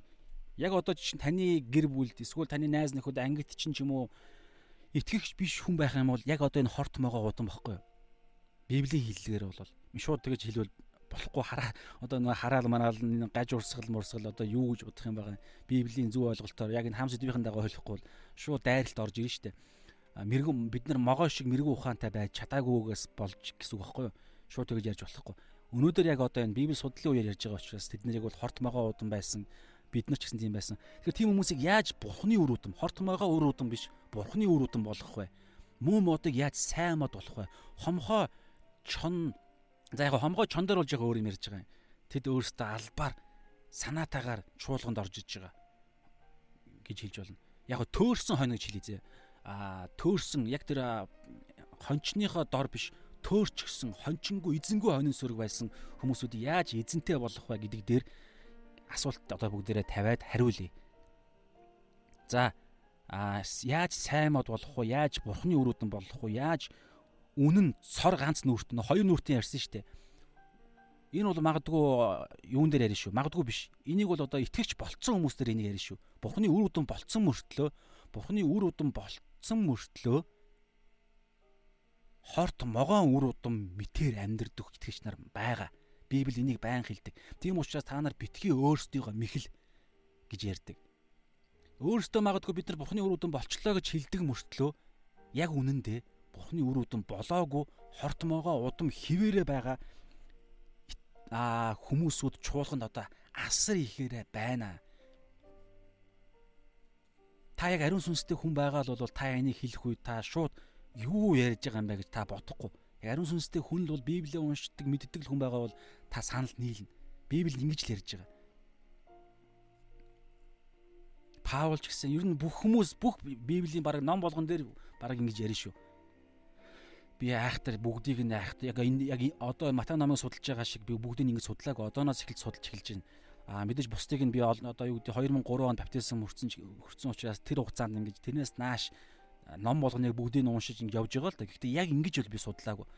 Тэр утгаараа би магадгүй гэж ярьж байгаа. Бүх номонд магадгүй юм байгаа шүү. Ер нь бол би итгэлтэй байна яг ингээд цаана ухах юм бол тийм учраас чуулган дотор ч гэсэн хоёр нүртнүүд байдаг гэж ярьдаг штеп. Тийм учраас арын хаалга байгаад байна, гараад байна. Хүмүүсүүд итгэх хүмүүсүүд итгэх гэж ирээд итгэж чадахгүй эсвэл итгэцэн гэж бодоод бодож исэн хүмүүсүүд итгээгүй болж байсан нь илрээд арын хаалгаар гарч яваад байна. Энэ итгэгч нар чинь худлаа юм байна. Иесус гэж байдаггүй юм байна. Худлаа юм байна. Энэ Христийнхэн чинь хүмүүсүүдийг шул одоо юу гэж юу гэж юу ярьж дүгнэлт хийгээд төөрөөд яваад одоо энэ бузар муугийн талд магадгүй ороод. Гэхдээ бурхан амьд л байгаа бол бурхан тэдгээр хүмүүсүүдийг аврахын төлөө буцааж авахын төлөө авчирна. Арга замаа хийсээр л байх болно. Тэгэхээр яаж ганц нүртэн болох вэ? Яаж эн чи юу ярьж байгаа? Амаараа бурхан одоо ярда над нэг юм ойлголт байгаа шүү. Аа нэг юм ухаарсан ойлголт байгаа. Зүгээр итгэвч биш хүмүүсүүд дотор зүгээр хоёр нүртэн гэдэг ойлголт бол байгаа угаасаа. Одоо юу гэдэг юм Тэ одоо улс төрчд нэг талаараа бол а сонгуульд гарах гарах үеэр а би арт түмнийхээ төлөө бүхнээ зориулна би авилгал авахгүй би тэ арт түмэндээ хайртай би миний мөрийн хөтөлбөр энэ минь одоо баахан юм амаараа нэг юм ярьдаг тэгээд тэр ярьсан юмныхаа дагуу үйлддэггүй яриаггүй өөр юмыг үйлддэг хүмүүсүүд чинь хоёр нүртэн гэдэг зүгээр а юу нөхгүй а одоо юу гэдэг зөв үхсийн сангийн хилзүүн хиллэг нь. Өөрөө дотроо нэг яг одоо тэр яг хилзүүн хиллэгээр томьёогоор бол би урд нь олж мэдсэн юм юу вэ гэхээр а ийм ба өөрийнхөө ярддаг би ийм байр суурьтай надад ийм ёс суртахууны а тэг амьдрал үзэл бодлын би ийм байр суурьтай гэж хилдэг мөртлөө түүнийхээ дагуу биш өөр зарчмаар амьдрдаг үйлддэг хүмүүс энэ төлөв байдал чинь хоёр нүүртэн гэдэг англиар бол hypocrite хипроси тэ хипокрит гэдэг ойлголт байхгүй. Тэгэхээр энэ бол итгэж биш хүмүүсүүд дээр бол байгаа угаасаа. Жи хоёр нүүр мүр чинь бүгд ерөөсөө дээр адгийн бузар мууёрын сүнсний тэ худал хуурмгаар а эзлэгдэж тэ боочлогдож яваа үл итгэгч хүмүүс, итгэгч биш хүмүүсүүд бүх бузар муугийн илэрлүүд нь байгаа штэ. Харин би юу ярих гэдэг нь вөхлөөр яг одоо юу гэдгийг фарисеучуд Тэ одоо тэр Библийн одоо за Библийн одоо энэ одоо энэ яг Есүс Христийн амьдрал дээр нүүр тулж байгаа нэг юм онцгой тохиолдол байгаад байгаа юм шиг санагдаад байгаа байхгүй. Би яг тэрний гол юм би яриа. Юу гэхээр амаараа чуулганд тэр тусмаа яг үйл итгэгч нарын чуулганаас гадуур улсаа ярьлаа шүү дээ. Чуулган дотор байгаа хоёр нүртэн гэдэг нь арай нэг тийм илүү бүр аимшигтай байгаа байхгүй илүү аимшигтай, илүү хор хор хөнөөлтэй. Тэнгэрийн Бурхны хаанчлалд. Тэгээд Бурхны хаанчлалын гадна байгаа сатаны хаанчлалд хоригдож байгаа буюу үл итгэж хүмүүсүүдэд хүртэл илүү хохиролтой. Есүс тохиролтой, Бурхан тохиролтой, итгэгч нар тохиролтой. Тэр нэг ойлголт нь чуулган дотор байгаа хоёр нүртнүүд байгаа байхгүй. Энэ бүр аимшигтай. Тэр нь ямар вэ гэхээр яг энэ тухайн үед бол яг одоо Есүс Христэд Есүс Христтэй нүүр тулсан энэ фарисеучуд хуулийн багш нар байхгүй Өнөөдөр болохоор чуулганд гэсэн. Юу вэ гэхээр амаараа би бол бурханд хайртай итгэгч. Би Магадгүй тэр хүн пастор байж болно. Эсвэл ямар ч хүн байж болно. Би танд хайртай. Би Есүсийн хайраар агапе хайраар таныг хайрлж байна. Тэгээ би бол итгэгч хүн. Бурхан намайг аварсан, аварсан гэж амаараа яг л Библийн имийг ярьдаг мөртлөө амьдрал дээрээ тэрнээсээ эрс өөр имийг үйлддэг хүмүүс чинь хоёр нүртэн багхгүй. Тийм утгаараа одоо түрүүний одоо энэ асуултанд дунд чи ийм асуулт байгаа юм. Яаж цор ганц нүүртэн байх вэ буюу яаж яг ярьснараа үйлддэг байх вэ? Амаараа ярьсан юм нь тэр ярьснараа яг үйлддэг чинь яг ганц нүүртэн гэж хэлж болно нэг дүр төрхтэй, хоёр дүр төрхтэй биш, нэг л дүр төрхтэй. Тэр нь Есүсийн дүр төрх, хаанчлалын дүр төрх. Бурхны хаанчд болон зөвхт байдал гэж байгаа шүү дээ. Бурхны хаанчлалын дүр төрхтэй Есүс гэсэн зөв Есүсийн дотор бид нар зөвтгөгдөн шүү дээ. Тэгэхээр яг Есүсийн дүр төрхтэй. Ариун сүнс зөвхөн Есүстэй л адилхан болохын төлөө бүх юмыг хийж байгаа. Библи чинь тэр чигээрээ 66 ном тэр чигээрээ Есүс Христтэй л адилхан болохын төлөө явж байгаа. Нэг л дүр төрх Есүс Христ гэдэг. Тэгэхээр яаж юм болох вэ гэдэг асуулт байна. Тэгээд зүрхний сайн бэлхал гэж байгаа юм. Төрүн худал хуурмгийн бэлхлаас худал хуурмаг гараад байгаа шүү дээ. Одоо дараа нь бид нар уншина одоо энэ 35 дээр сайн хүн сайн баялгаасаа сайныг гаргадаг 35 муу хүн муу баялгаасаа мууг л гаргадаг муу мухайг л гаргадаг. Тэр зүрхний сайн баялаг. Тэр зүрх нь баян сайн сайхнаар дүүрэн байх. Тэрийг үнцэнтэй тооцох баялгаа эрдэнэс баялгаа болгох яаж болох вэ гэдэг асуулт. За одоо бүгдээ юунд хариулахад библи юу ярьж байгаа вэ гэхээр нэг л юм ярьж байгаа Йохан нэгin ишлэл нь хамаагүй шүү яг энэ санааг өөр зөндөө олон газар байгаа гол нь библи нэг л санаа ярьж байгаа За тэндээс би нэгийг дурд. Йохан 1:12-оос 13. Йохан 1 12-оос за 12 ерөнхийдөө. За уншия. Харин өөрийг нь хүлээн авсан болгонд Есүсийг гэсэн үг. Харин Есүсийг хүлээн авсан болгонд Есүс өөрийнх нь нэрэнд буюу Есүс гэдэг нэрэнд итгэгчдэд тэрээр Бурхны хүүхэд болох эрхийг өгвөө. Есүс Бурхны хүүхэд болох эрхийг өгвөө гэж байгаа юм. Энд чинь харж байна. Бурхны үр удам. Нөгөө цор ганц нүүртэн зүрх нь энэ бүгд сайн мод энэ чинь үндэс нь. Жинхэнэ үндэс хоцгой юу? Зүрхний зүрхэнд хийгдэх тэр сайн сайхан тэр үндэс удахгүй том сайн мод болж ургаад сайн үр жимс гарах үндэс буюу аврал чинь ингэж хийгддэг. Тэр нь юу вэ гэхээр Есүс Христийг хүлээж авах Ром 19-9-с 10 дээр бас ийм санаа байгаа. Яа Ром 19-с 12 9 дээр нь яг хэлсэн санааг 10 дээр нь бас илүү аа ерөөхдөө бадж байгаа. Бараг нэг л юм хэлж байгаа. Тэр нь юу гэхээр ерөөсөө л хүн Ром 10-ын за би уншчихъя дөө юу. Хэрв Ром 19-с 10 хэрв та Есүсийг эзэн гэж амаараа хүлээн зөвшөөрнө. Түрүүн Йохан дээр Йохан 1:12 дээр хэлсэн шүү дээ. Есүс Христийг хүлээн зөвшөөрвөл эзэн гэж хүлээн зөвшөөрвөл гэдэг нөгөө авралт хүрүүдийг ихтгэлж чинь байхгүй юу? Есүс Христ бол миний миний эзэн. За яг энэ Ром 19-9-10 энэ болохоор яг тухайн түүхэн нөхцөл байдлаараа бас нэг өөр юм тайлбарлагддаг. Гэхдээ яг биднэрт хамаатай нь юу гэхээр Есүс Христ бол миний амьдралын эзэн. Эзэн боолын харилцаанд орно оруул гэсэн санаа байхгүй? Тэгвэл аврагдана гэсэн санаа. Авралын чинь тэр авралт хүргэдэг итгэлийн чинь орцсон энэ хоёр юм ярддаг. Нэг нь болохоор за эхлээд түрүүн би уншсанараа Йохан 1-ийн 12 дээр уншия. Хуйлаа байгаа байхгүй юу? Өөрийг нь хүлээн авсан болгонд өөрийг нь хүлээн зөвшөөрч хүлээн авсан гэсэн үг. Есүс Христ бол миний амьдралын эзэн гэж хүлээн зөвшөөрөөд хүлээн авсан.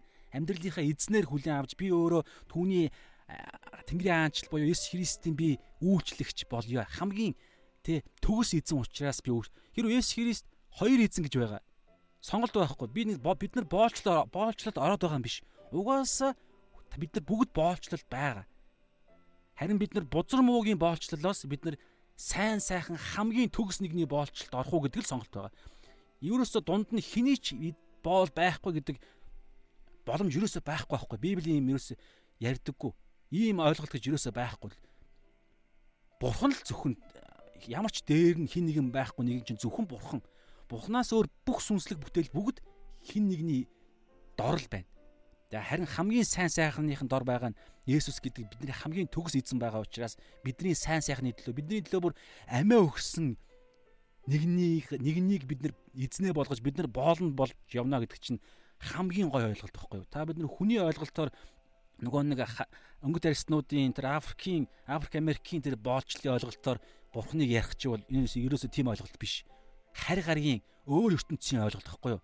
Өөр ертөнцийн ойлголтын дагуух бид нар боолн болж байгаа гэсэн. Хамгийн гоё. Тэгэхээр Есүс Христийг амьдралынхаа эзэн болж бид нар энэ дэлхий дээрх амьдралынхаа амьдралдаа түүний боолн буюу Есүс Христийн хаанчлалын зорилгын дагуух боолн болж амьдраад хоёрдугаарт өөрийнх нь нэрэнд итгэдэг Есүс Христийг аврагч эзнэ. За одоо бүгд Ром руу очие.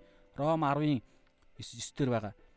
Хэрвээ Есүс Христийг эзэн гэж амаараа хүлээн зөвшөөр буюу түрүү хэлсэн шүү дээ. Есүс Христийг амьдралынхаа эзнэр хүлээж авбал За тэгэнгүүтээ бурхан түүнийг үхсдээс амьлуулсан гэдэгт зүрхэндээ итгэвэл сайн мэдээ чинь ерөөсөө за баг 3 гэж хэлж болно. Үхэл. За үхэл үхэл булшлал гэдэг юм уу? За үхэл амьдрал хэлчихээ баг зүгээр.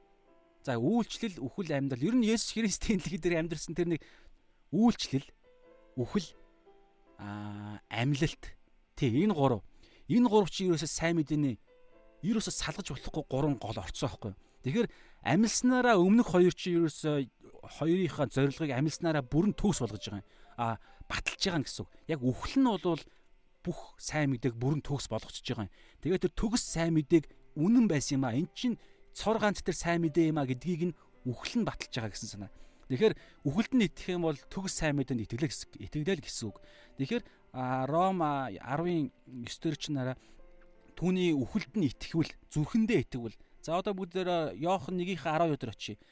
Өөрийнх нь нэрд итгэгчдэд зүрхэндээ итгэгчдэд нэр нь юу вэ? Есүс. Есүс гэдэг нэрний утга нь юу вэ? Аврагч. Тэгэхээр саний ярьсан тэр үхэл үйлчлэл үхэл амьлалт одоо бүх зүйл чинь өөрөө аврагч гэдэг тэр авралын процесс дотор чинь авралын авралын ажиллагаан дотор чинь саяны зүйлс бүгд байгаа байхгүй. Тэгэхээр Есүс гэдэг нэрэн дотор чинь бүх юм байгаа гэсэн. Тэгэх юм бол Иохан 1:12 дээрээ бол итгэгчдэд тэрээр Есүс зөвхөн өгнө шүү. Өөр хинч өгч чадахгүй. Есүс Бурхны хүүхэд болох эрхийг өглөө. За Ром 10-ийн 9 дээр очие. Итгэвэл аврагдах болноо. Харж гин үү? Эн чин ардаа тухайн хорт могоо удмыг, тухайн муу модыг, тухайн төөрс төөрсөн хоныг тэ үхэл рүүгээ явж байгаа чонд идэгдэхээр явж байгаа хоныг эзэн дээр наваачих. А ялцарч байгаа модыг амтай мод болгох. Тэ а хорт могоон удам болж төрж хараал дунд төрсөн нэгнийг ерөөл рүү гаргаж бурхны үр удам болгож үрчлэн авч өөрийн болгох энэ бүх зүйл чи ерөөсө ганцхан энэ зүйлээр хийгдэн. Тэр нь юу юм? Есүс Христийн сайн мэдээ. За бүр бадсах юм бол зөвхөн Есүс Христээр. Тийм учраас Матай номон дээр хэлж байгаа аа хавчиг хаалга гэдэг чинь тэр хавчиг хавчигдмал олоход хэцүү нарийнхан ганц хаалга чинь авралт хүргдэг ганц хаалга чинь зөвхөн Есүс байхгүй. Тийм учраас хаалганы гадна талаас харах юм бол ямар муухай онцгүй хаалга вэ? Аа өөр авралт хүрэх өөр арга байдгүй юм уу? Бүх шашин бүх шашин ингээд уулуудаа матчихагаад бүгд л нэг бурхан дээр очиж штэ мочиж штэ гэдэг энэ ойлголтоос чинь шал өөр юм ярьдаг байхгүй.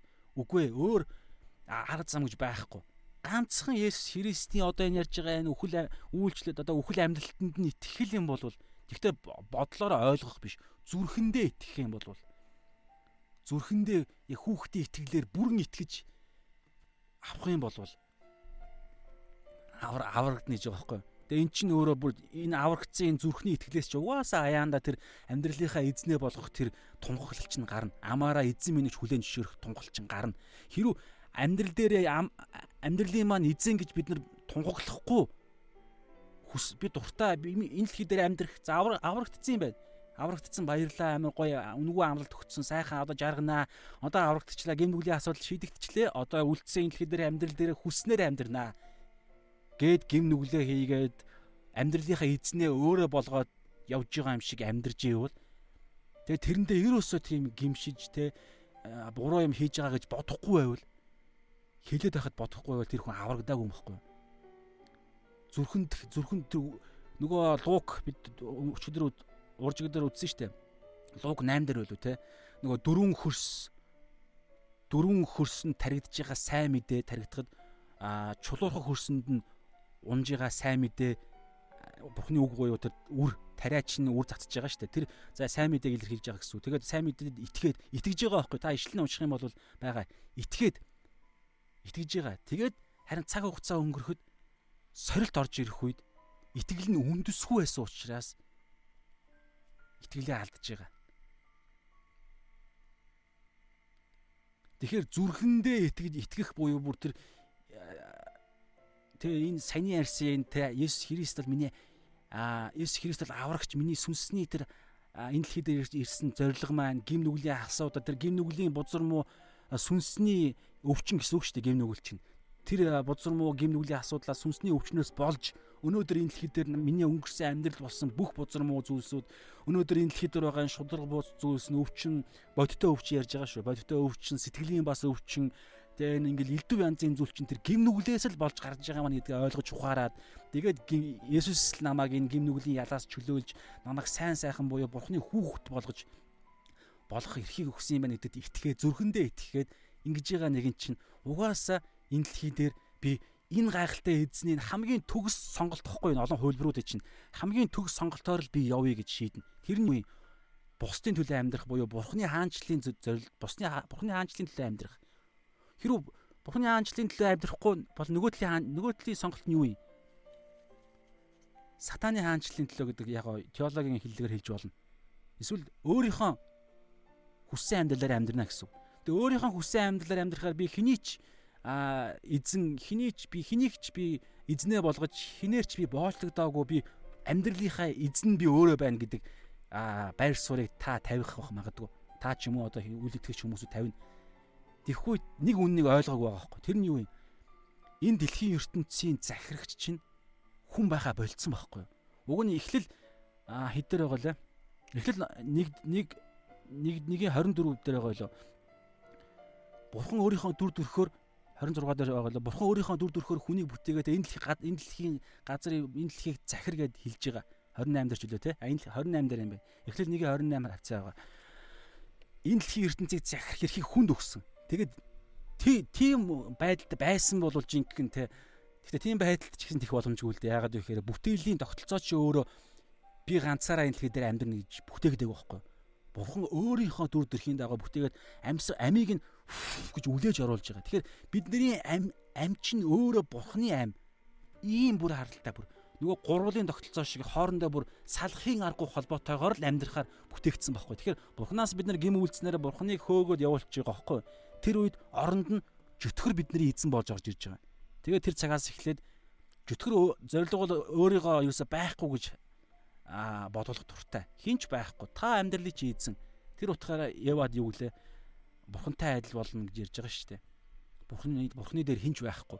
Тэр утгаараа Есүс хүний дээр хинч байхгүй гэдэг ойлголтыг гаргаж ирээд Адам Евад хэлэх үед Ева тэр жимсний идэхэд амттай юм шиг харагдсан. Цаагаараа тэр ойлголт нь гой санагдсан байхгүй нэг талаараа. Тэгээд тэр нь цаашаагаа яг тэр нь хэрэгжиж байгаа юм. Сатан бол яг 100% худлаа ярихгүй нэг өөр үннийг далдалж жинхэнэ үннийг ерөнхийдөө дандаа гаргаж ирж хуурдаг. Тэгээд тийм учраас өнөөдөр жишээ нь ингээд би өөрөө өөрийнхөө эзэн гэж ярьж байгаа үн чинь энэ үнэнг ойлгоогүй сатан байдаг, чөтгөр байдаг, тэ өхлийн дараа жинхэнэ мөнхийн амьдрал эхэлдэг гэдгийг ерөөсө сонсон ч итгэдэггүй, ойлгодоггүй, сонсоогүй ч хүн байгаа юм бас байгаа. Тэгэхээр тэдгээр хүмүүсүүд чи яг ихлээр ингэж ярьж байгаа боловч цаана нь өөр юм байгаа гэдгийг мэдэхгүй байгаа байхгүй. Тэрний юу гэхээр миний амьдралын эзэн би Есүс л биш бол бусад өөр ямар ч ямар нэг юм ярьж байгаа юм болгон ч сатан сатааны гаргаж ирж байгаа зүйлс сатаанд дуртай байгаа сатан цаана хожно гэсэн. Сатан өөрөө тэр хүнийг эзэл эзэн байж байна гэсэн. Хүн наана тэрийг хилчлэхгүй. Цаанаа бол мэдж байгаа. Наана бол ерөөсөө яг хүн болгоно ингээд энэ дэлхий дээр баян тансаг ерөөсөө хүснээр амьдарж байгаа чинь хамгийн аимшигтай байхгүй. Тийм учраас а тэр авралын итгэл дотор чинь миний энэ дэлхий дээр миний амьдралын эзэн буюу тэр яг бодиттой амьдрал дээр талбарууд дээр хийж байгаа юмны чинь зорилго нь Бурхны хаанчлалын төлөө л би эргэтнийхээ үүргээрээ ямар нэгэн байдлаар оролцсон. А бизнес хийж байгаа юм бол мөнгөөрөө мөнгө санхүүгээрээ би хаанчлалыг хүчрхжүүлнэ. Зорилго нь юу юм? Би энэ хаанчл чинь миний хүс зорилго болсон байхгүй юу? Миний таны тухайн бизнесмен хүний юу юм? Хайр. Монгол ахын дүүс нар маань энэ дэлхий дээр төрөөд амьдарж байгаа Монголын ахын дүүс нар маань энэ дэлхий дээр ирсэн зорилгоо биелүүлж чадахгүй өгчихгүй дээ гэдэг баг нэг талаараа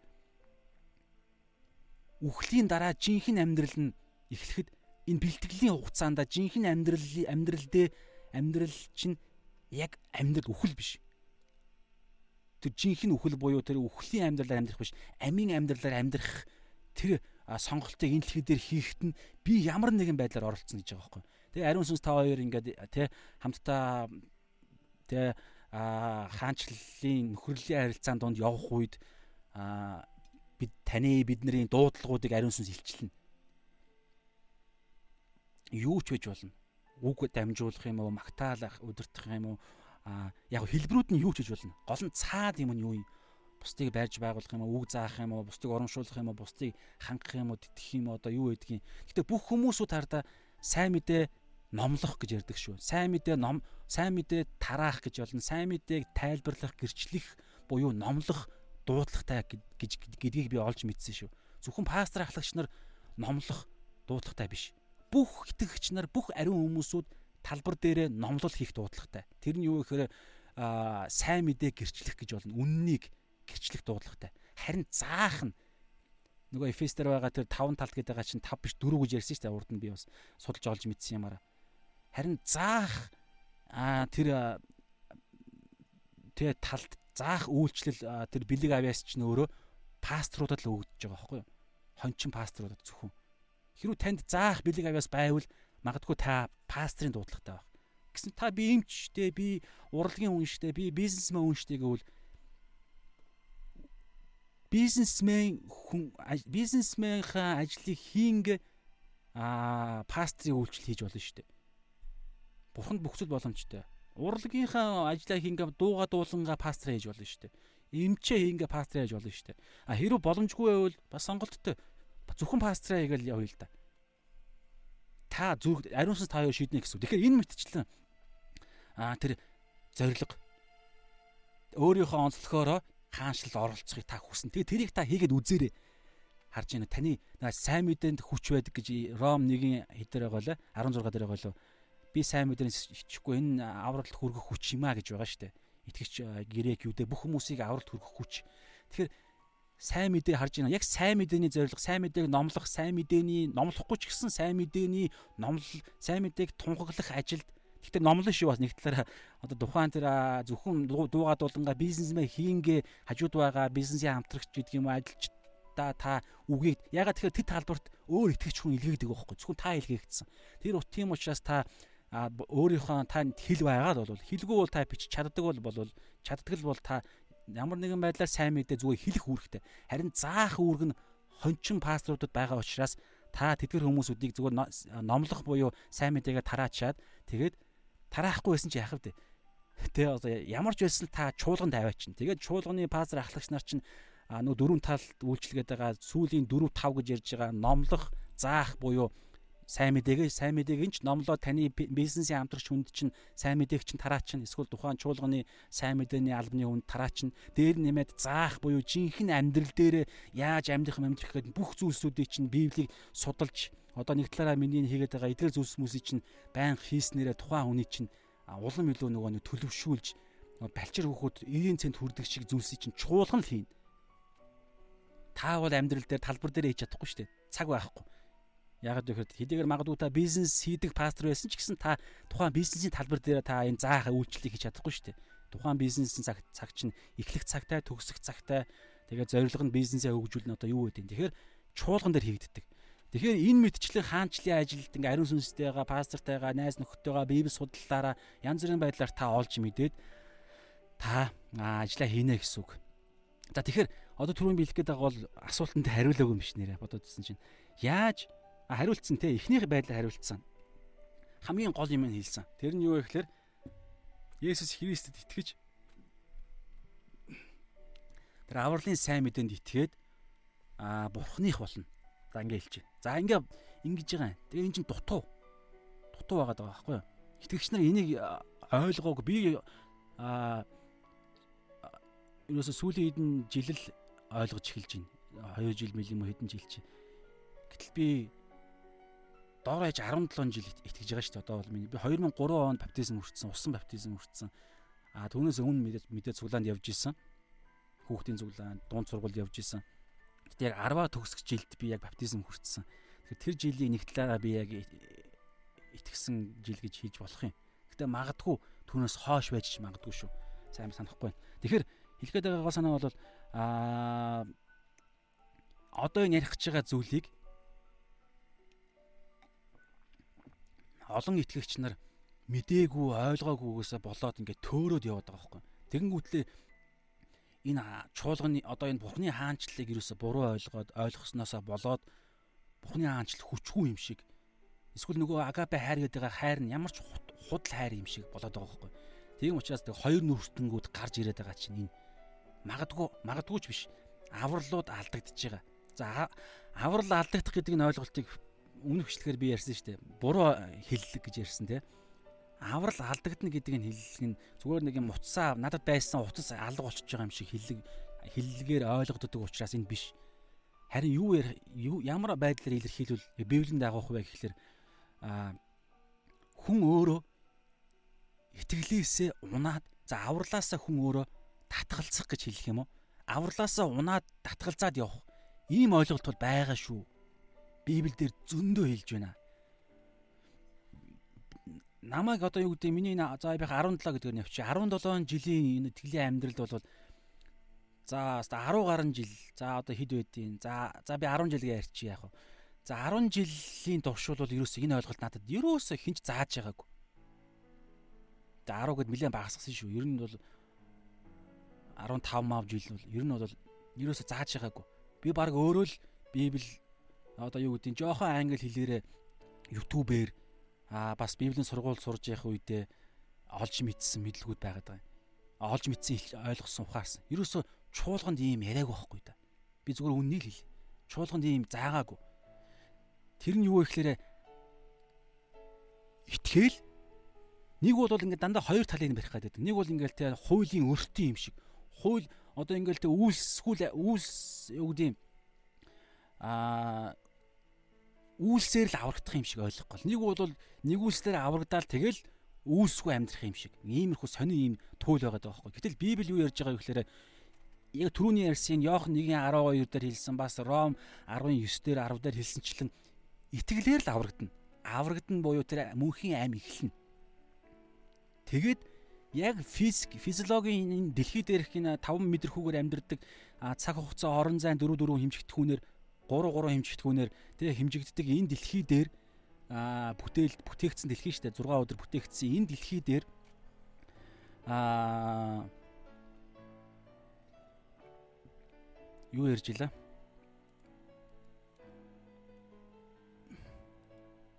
би бас ингээ заримдаа ярьж хагаад аа энэ одоо яг сүнслэг дайралт уу эсвэл одоо энэ оюун санааны сул дорой байдлуу ингээл пүм пүм гэж заримдаа зүйлсүүд байхгүй болчдөг.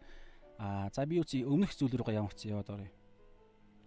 Аа хамгийн гол нь аа тий би аврагт нөгөө нэг үндсэн ярьсан шүү дээ. Аврагцсан. Тэгэнгүүтлээ одоо дараа нь яаж байгаа вэ гэхээр аа дараагийн ойлголт нь төрсөн хүүхэд төрж байгаа хүүхэд яг энэ дэлхий дээр тэр цаг хугацаа орон зайгаа хэмжигдэж байгаа энэ дэлхий дээр яг хүүхэд ихийн эвлэгээс төрж байгаа шүү дээ. Тэгэж төрөнгүүтлээ аа төрөөд тэгээд төрс төрөнгүүтлээ энэ нэг хүүхэд энэ дэлхий дээр амьд орчигч болсон уу? Яг тэр аав тэр ээжийн хүүхэд гэдэг нэр зүгээд яг аавын аавын ээжийн хайртай хүүхэд нь болсон уу? Гарцаагүй болсон. Гарцаагүй болсон, гарцаагүй Монгол улсын иргэн болсон төрсний гिचлэгээ авсан ам тоо ам бүлийг нэгээр нэмсэн гарцаагүй болсон. Тэгвэл нэг үнэн ойлгох нэг үнэн байгаа. Тэрийг бол яг энэ бодиттой амьдрал дээр хүн болгоо ойлгоно. Тэр нь юу гэхээр балчир хүүхэд одоо зөндөө юм мдээгүй байгаа.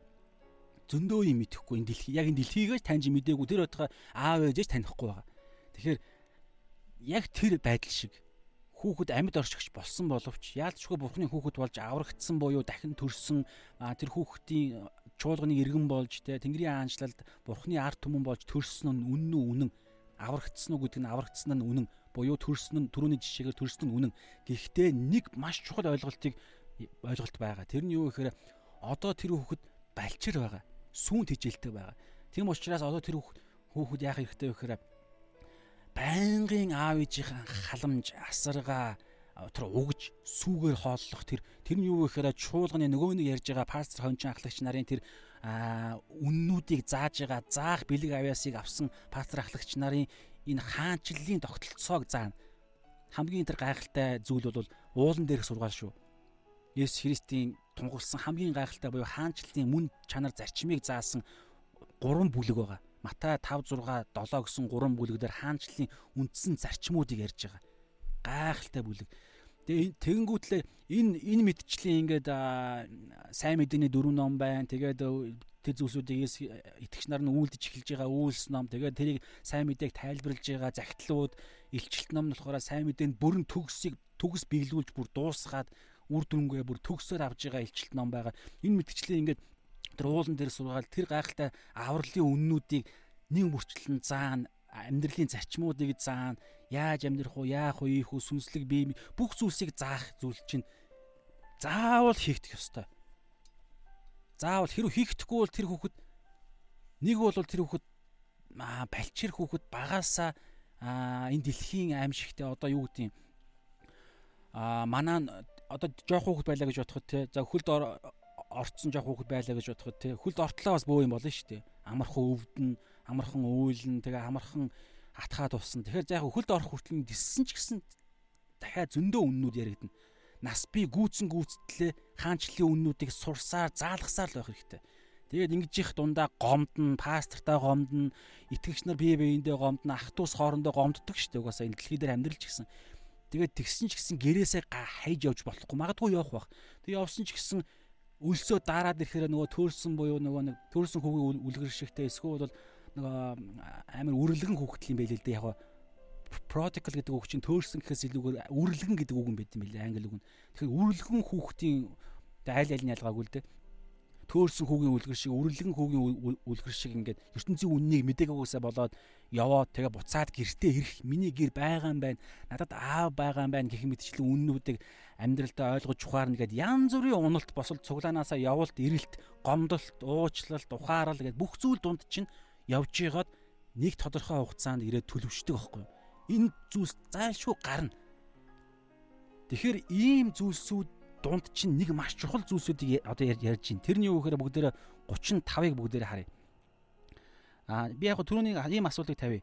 За ингээд төрөөд итгэгч болоод аврагдчихлаа. Яг яалтчгүй баптизм хүртээд гайхалтай баптизм магадгүй ариун сүнсний баптизм за ер нь ариун сүнсний баптизм хоёулаа те галан баптизм, усан баптизм аль аль нь хүртээд ариун сүнсийг оршихуг болоод те яг ариун сүнсний баптизм бол ерөөхдөө ариун сүнсний дүүргэлт гэдэг ойлголтоо ерөөхдөө яваад ах шиг байгаа юм.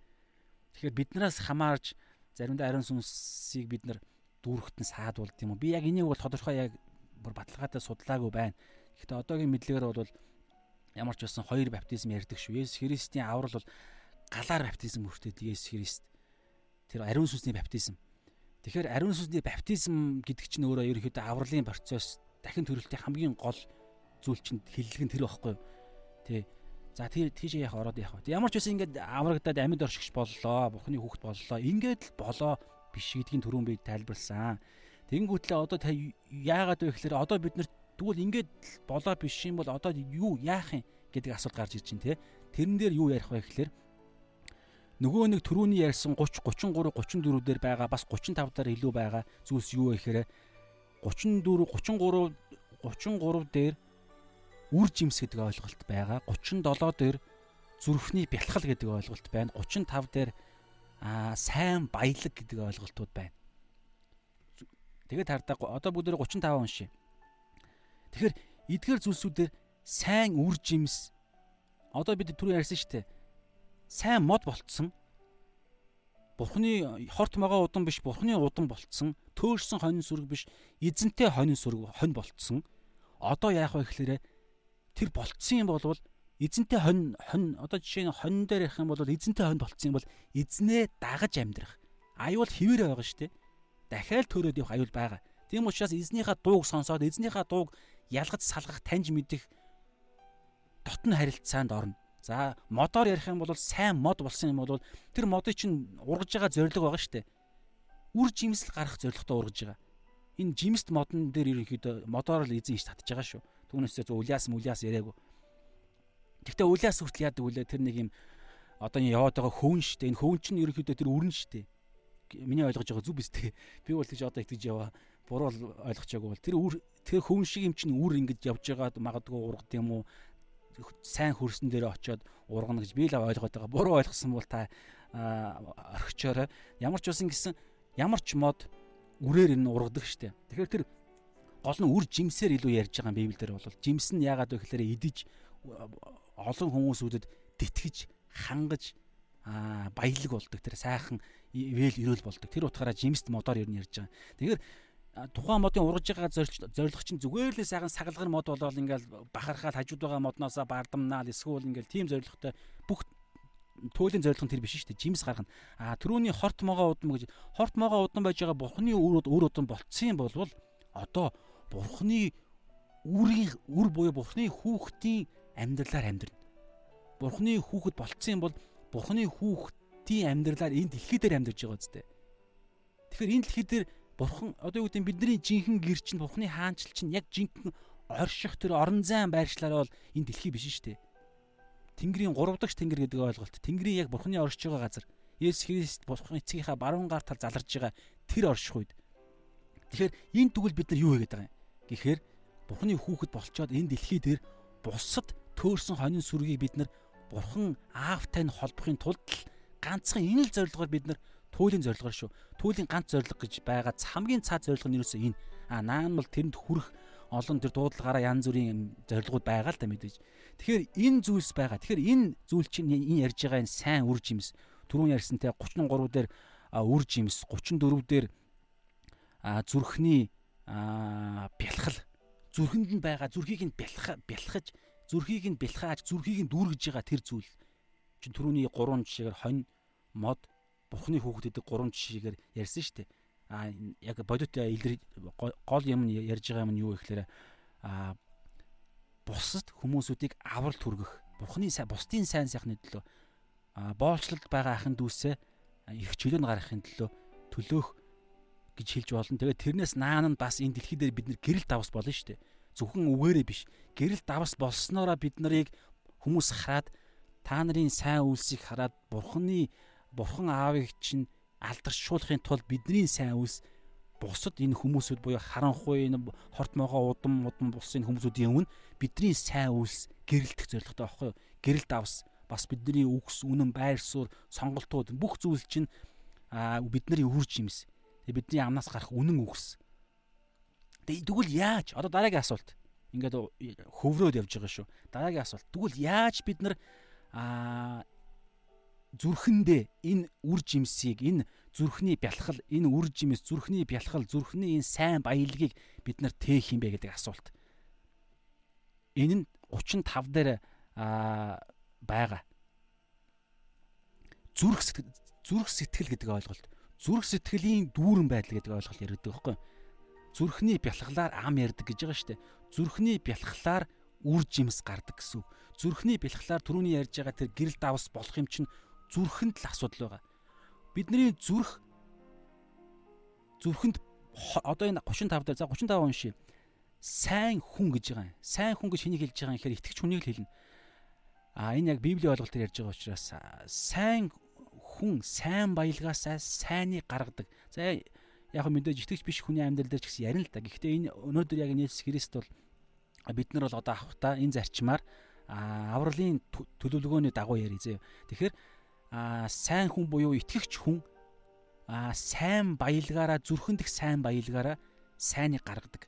Тэгэхээр бид нар ардаа энэ сайн үр жимс гарахыг хүсэж байгаа шүү дээ. Бидний амнаас үнэн үхс гардаг байгаасай бидний амьдралаас сайн үйлс гардаг байгаасай гэж хүсэж байгаа бол бидний зүрх 34 дээр учир нь зүрхний бялхлаар ам ярддаг гэж байгааз. Тэгэхээр бидний зүрхэнд чинь энэ сайн бялхал буюу энэ эрдэнэс үн цэн нь сайн байх юм бол сайн хаанчлалын дагуу сайн баялаг эрдэнэсийг бид нар энэ бол миний амьдралын үн цэн миний эрдэнэс гэж зүрхэндээ тээж дүүргэж тэрийг улам илүү төгөлдөржүүлж цаашаа задалж цааш нь улам илүү гайхалтай үзэсгэлэнтэй болгож олон олон зүйлсүүдийн судалж мэдж байгаа энэ зүйл чинь хэрвээ сайн байх юм бол бидний биднээс сайн үр жимс үйлс угаасаа гарна.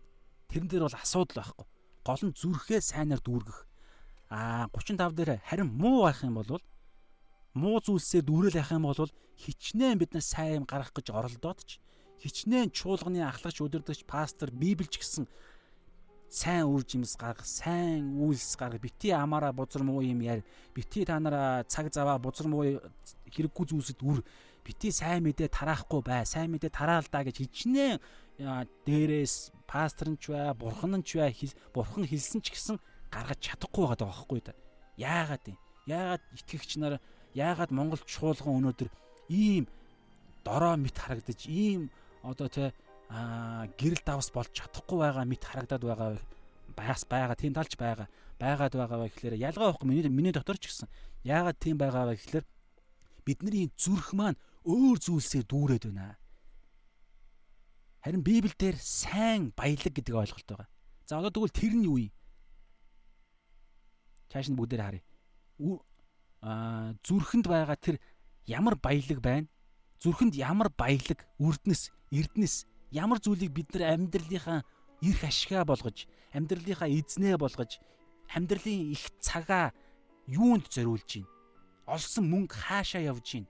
Аа чөлөөт цаг гарахад юу илүү их яригдж байна? Аа зүгээр ингээл сонирхох нөгөө хобби гэдэг зүйл чинь юун дээр илүү их байна? Энэ зүйл чинь зүрхний бялхал юу вэ гэдгийг илчилдэг байгаа даа. Одоо энэ дараа үр жимс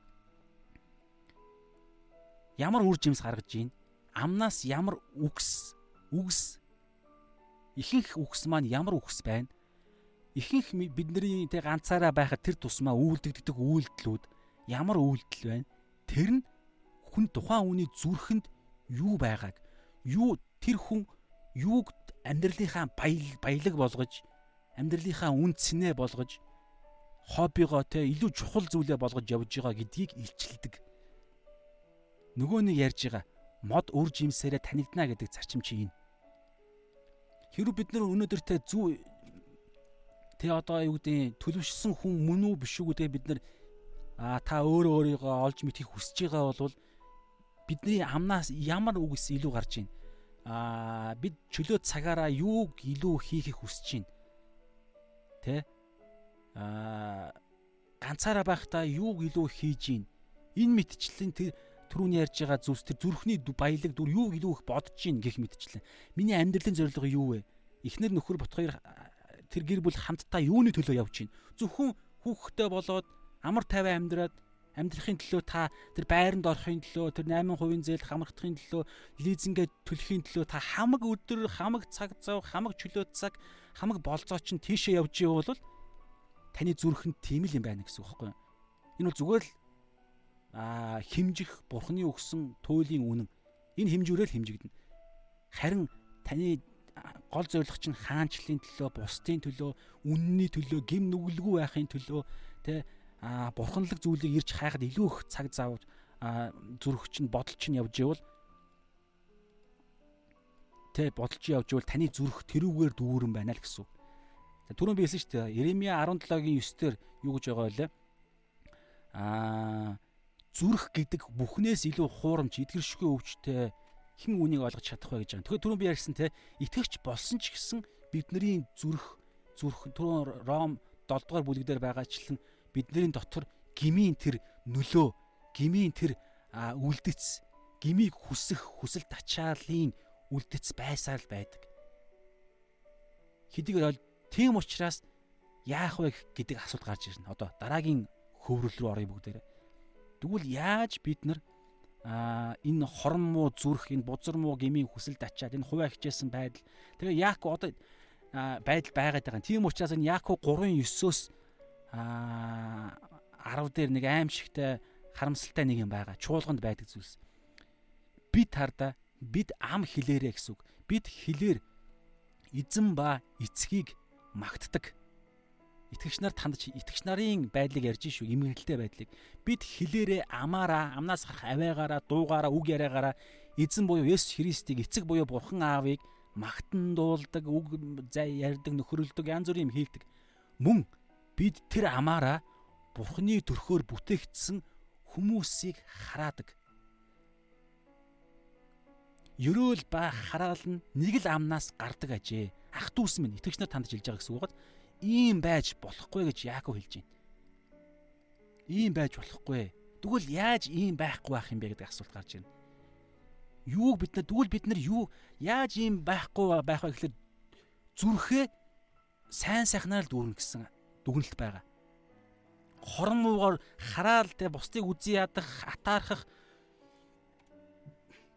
хуваа хичээсэн байдлаасаа болоод өөрийгөө өмөрж бусдтай мэтгэлцэх, хэрэлцэх, уралдах, зодлох, авилгал авах одоо юу гэдгийг нууц худалгаа хулгай худлаа ярих энэ бүх зүйлсүүд чинь бид нараас хичнээн одоо хүсэхгүй байсан ч гэсэн гараад байгаа шүү дээ тий.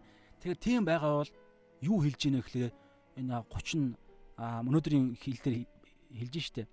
А 35 дээр 35 33 34 35 дээр хэлж байгаа тэр зүрх чинь юу дүүм дүүрэн байна вэ? Тэрийг л бид нар тэрэндээ хамаг анхаарлаа тавих хэрэгтэй. Зүрхэнд юу байна түүгээр л гардыг чинь бид нар тэгвэл тэгвэл зүрхээ тэг бузар муугаар биш сайн сайхан юмар дүүргий. Тэр нь юу юм гэдэг асуулт. За одоо энд бүгдээр хариулъя. Йохан 8-ын 31-ээс 32.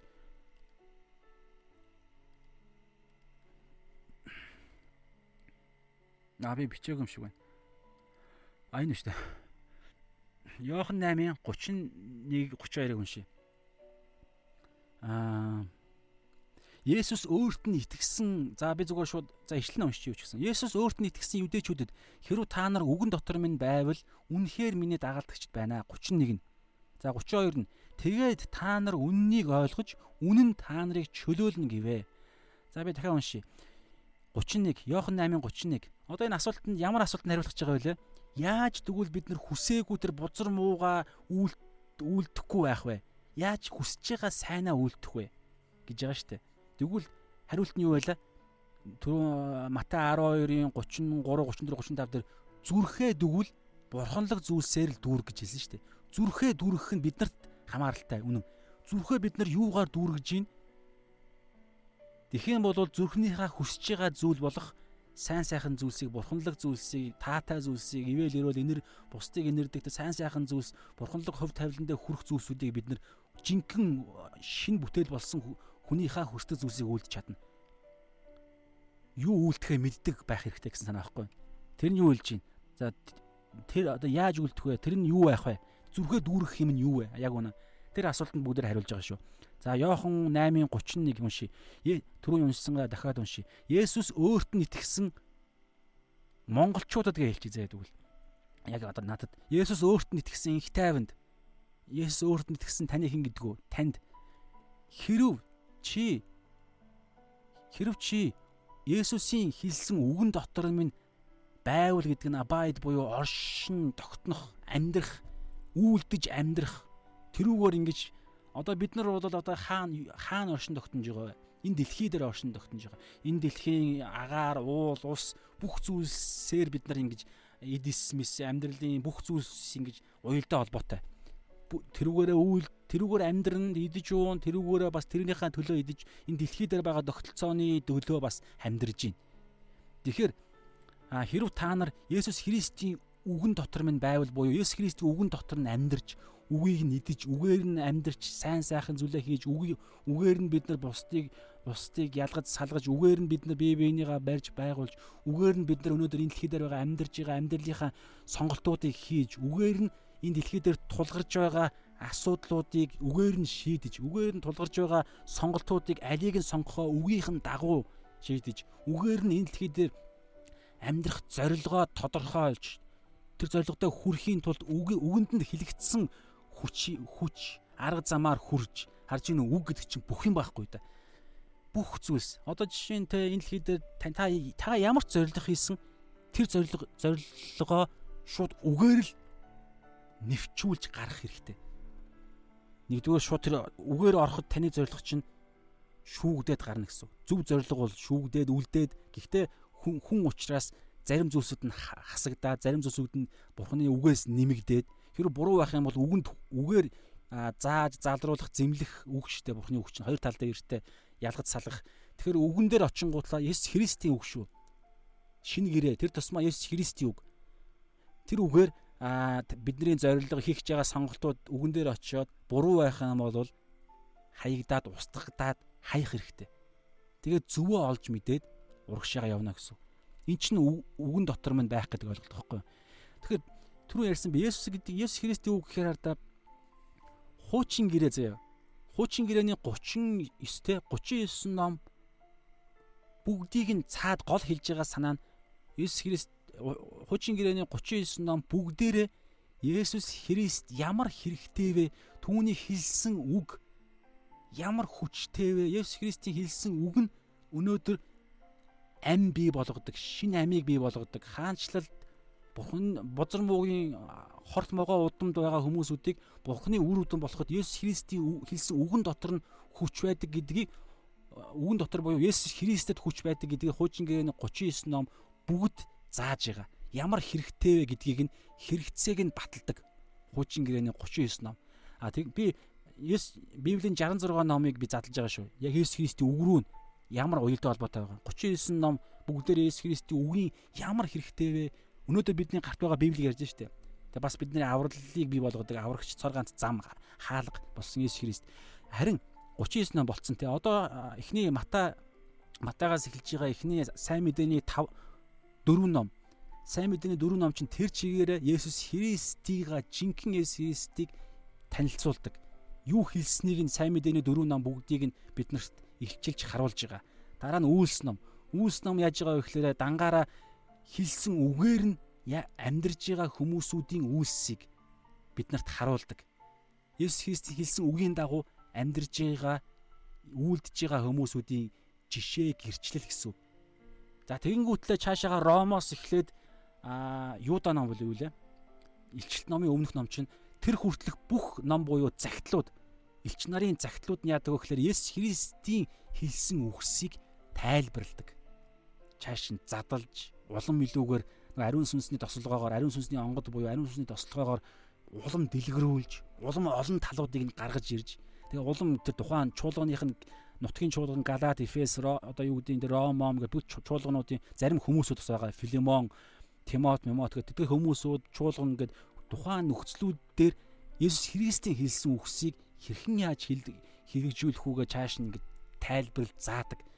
Тэгээд илчилт ном үлдэж байгааз илчилт ном нь болохоор яах вэ гэхээр Есүс Христийн хэлсэн үгс бүрэн биелэгдэж бүрэн биелэгдэж төгс болж байгааг илчилт төгс болохыг илчилт ном хэрхэн яаж төгс болохыг илчилт ном харуулж илчилж заадаг төгс болгоно. Тэгэхээр Библи тэр чигээр Есүс Христээр эхлээд Есүс Христээр дуустдаг гэсэн. Есүс Христийн үг. Тэгэхээр өнөөдөр хардаа түрүү хэлсэн шүү дээ. Тэгвэл яаж бид нар өнөөдөр яг хаанчлалынхаа энэ сайн сайхныг амиараа, амьсгалаараа, мах одоороо, сэтгэлээрээ, сүнсээрээ тэгээ энэ дэлхий дээрх амьдрал дээрх харилцаагаараа бүх зүйлээрээ эдэлж мэдэл эдэлж тэр гайхалтай эрх мэдэл тэр байр суурин дээр хурж амьдрахын тулд бид яах хэрэгтэй вэ гэхээр зүрхээ бид нар сайнаар дүүрэг гэж ярьлаа шүү дээ. Матай 12-ын 35 дээр те сайн хүн сайн баялагаасаа сайн тэр сайн баялаг зүрхний 35 дөрөв дээр нь өчн зүрхний бялхлаар ам ярддаг буюу зүрхний бялхлаар сайн гардаг гэсэн санаа. Тэгэхээр яаж ингэх вэ? Аа яах вэ? Яаж ингэх вэ гэхээр Есүс Христийн үгийг нь хардаа. Есүс Христийн үгийг нь зүрхэндээ дүүргэнэ гэсэн үг байхгүй. Эн чинь одоо аа бүр багасж байгаа, бүр бодиттой болж ирнэ гэсэн үг. Би Библийг би утсаар энэ юун дээр яадаг болохоор таны гарт чинь Библи байвал энэ Библи чинь биднэрт бүр маш бодиттой байгаа Библи байгаа дагаз энэ Библиэд чинь бүх асуулт буюу яг одоо таны амьдралд чинь байгаа асууд асуулт асуудлаас гарах юм чи энэ Библи байна. Энэ Библийг судлаад ойлгож ухаарад итгээд зүрхээрээ итгээд зүрхэндээ хийгээд бясалгаад ингэх нь ихний алхам. За би чааш нь хоёр дахь алхмыг хэлье.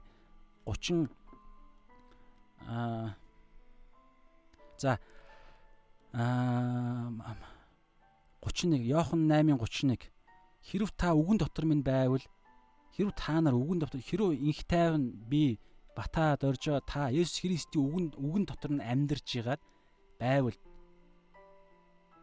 тэгээд амьд үгээр нь амьдрал дээрээ үгийнхэн дагуу үйлдэж байх юм амьдрах юм бол түрүү ярьсан үйлдэх мүлдэх ойлгох ухаарах үгээр нь бүх юма хийх ингэх юм бол Есүсийн жинхэнэ үнэхэр гэдэг жинхэнэ үнэн гэсэн үг. Жинхэнэ дагалдаг, жинхэнэ аврагдсан нэг гэсэн үг. Аврагдаагүй хүмүүс гэж байгаа чуулганд Үгийг нь хардаа үгийг нь ойлгуул, үгийг нь мэдүүл биш. Үгэн дотор нь амьдрах гэж байгаа зү.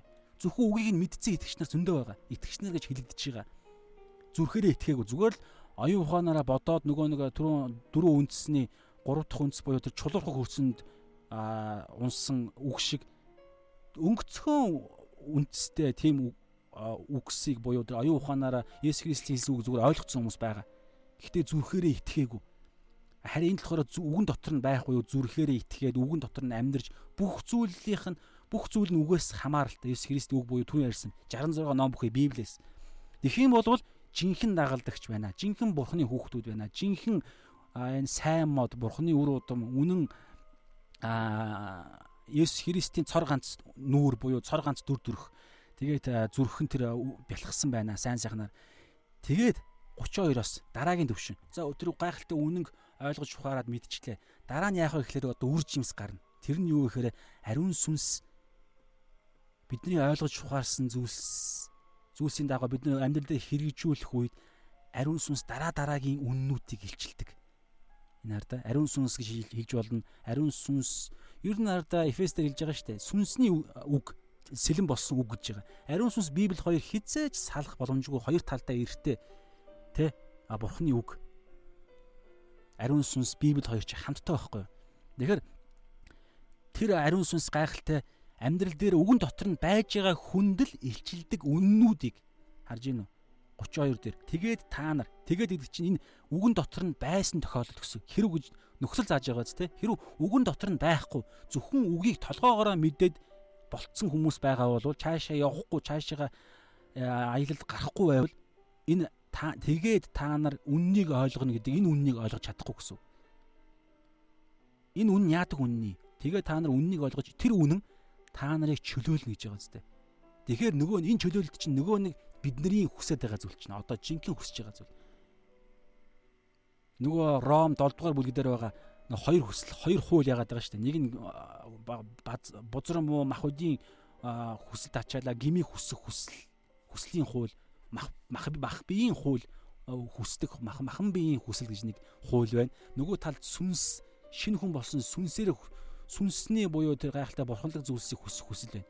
Энэ хоёрыг сүнсээр амьдрахын тулд яах вэ гэхээр Есүс Христ яг хэрэгжүүлэлт яг хэрэгжүүлэлт нь юу гэхээр Есүс Христийн үгийг нь эхлээд маш сайн яг Библийн дагуу анхных нь хэлэгдсэн дагуу хам сэдвийн дагуу хэлсэн үгийг нь ойлгоно. Нөгөө загтлууд чинь бүр тайлбарлсан байгаа шүү. Тэгэхээр загтлуудаар хин тэр сэдвийн дагуу юу гэж ярьж ингээ бүгдийг нь ингэж яагаад ойлгоно. Тэгээ ойлгож чадахгүй бол яах юм? Би чуулган байгаа шүү дээ. За та ойлгож чадахгүй бол танд заах бэлэг аяас хуваарлагдсан пастор ахлагч нар байгаа. Тэд нар танд заах үүрэгтэй байгаа юу? Тэгэхээр тэдгээр хүмүүсүүдээр та очих ёстой гэсэн яг пастор ахлагч нар дээр очно гэсэн. Голж болохгүй. Та очих хэрэгтэй. Бурхны тослогоо голж болохгүй. Тэгээ очиод тэгээд ойлгож ухаарчаад тэгээ болоогүй. Эн чин зөвхөн ихнийх нь жинхэнэ гол юм чинь үгэн дотор нь байх буюу амьдрах.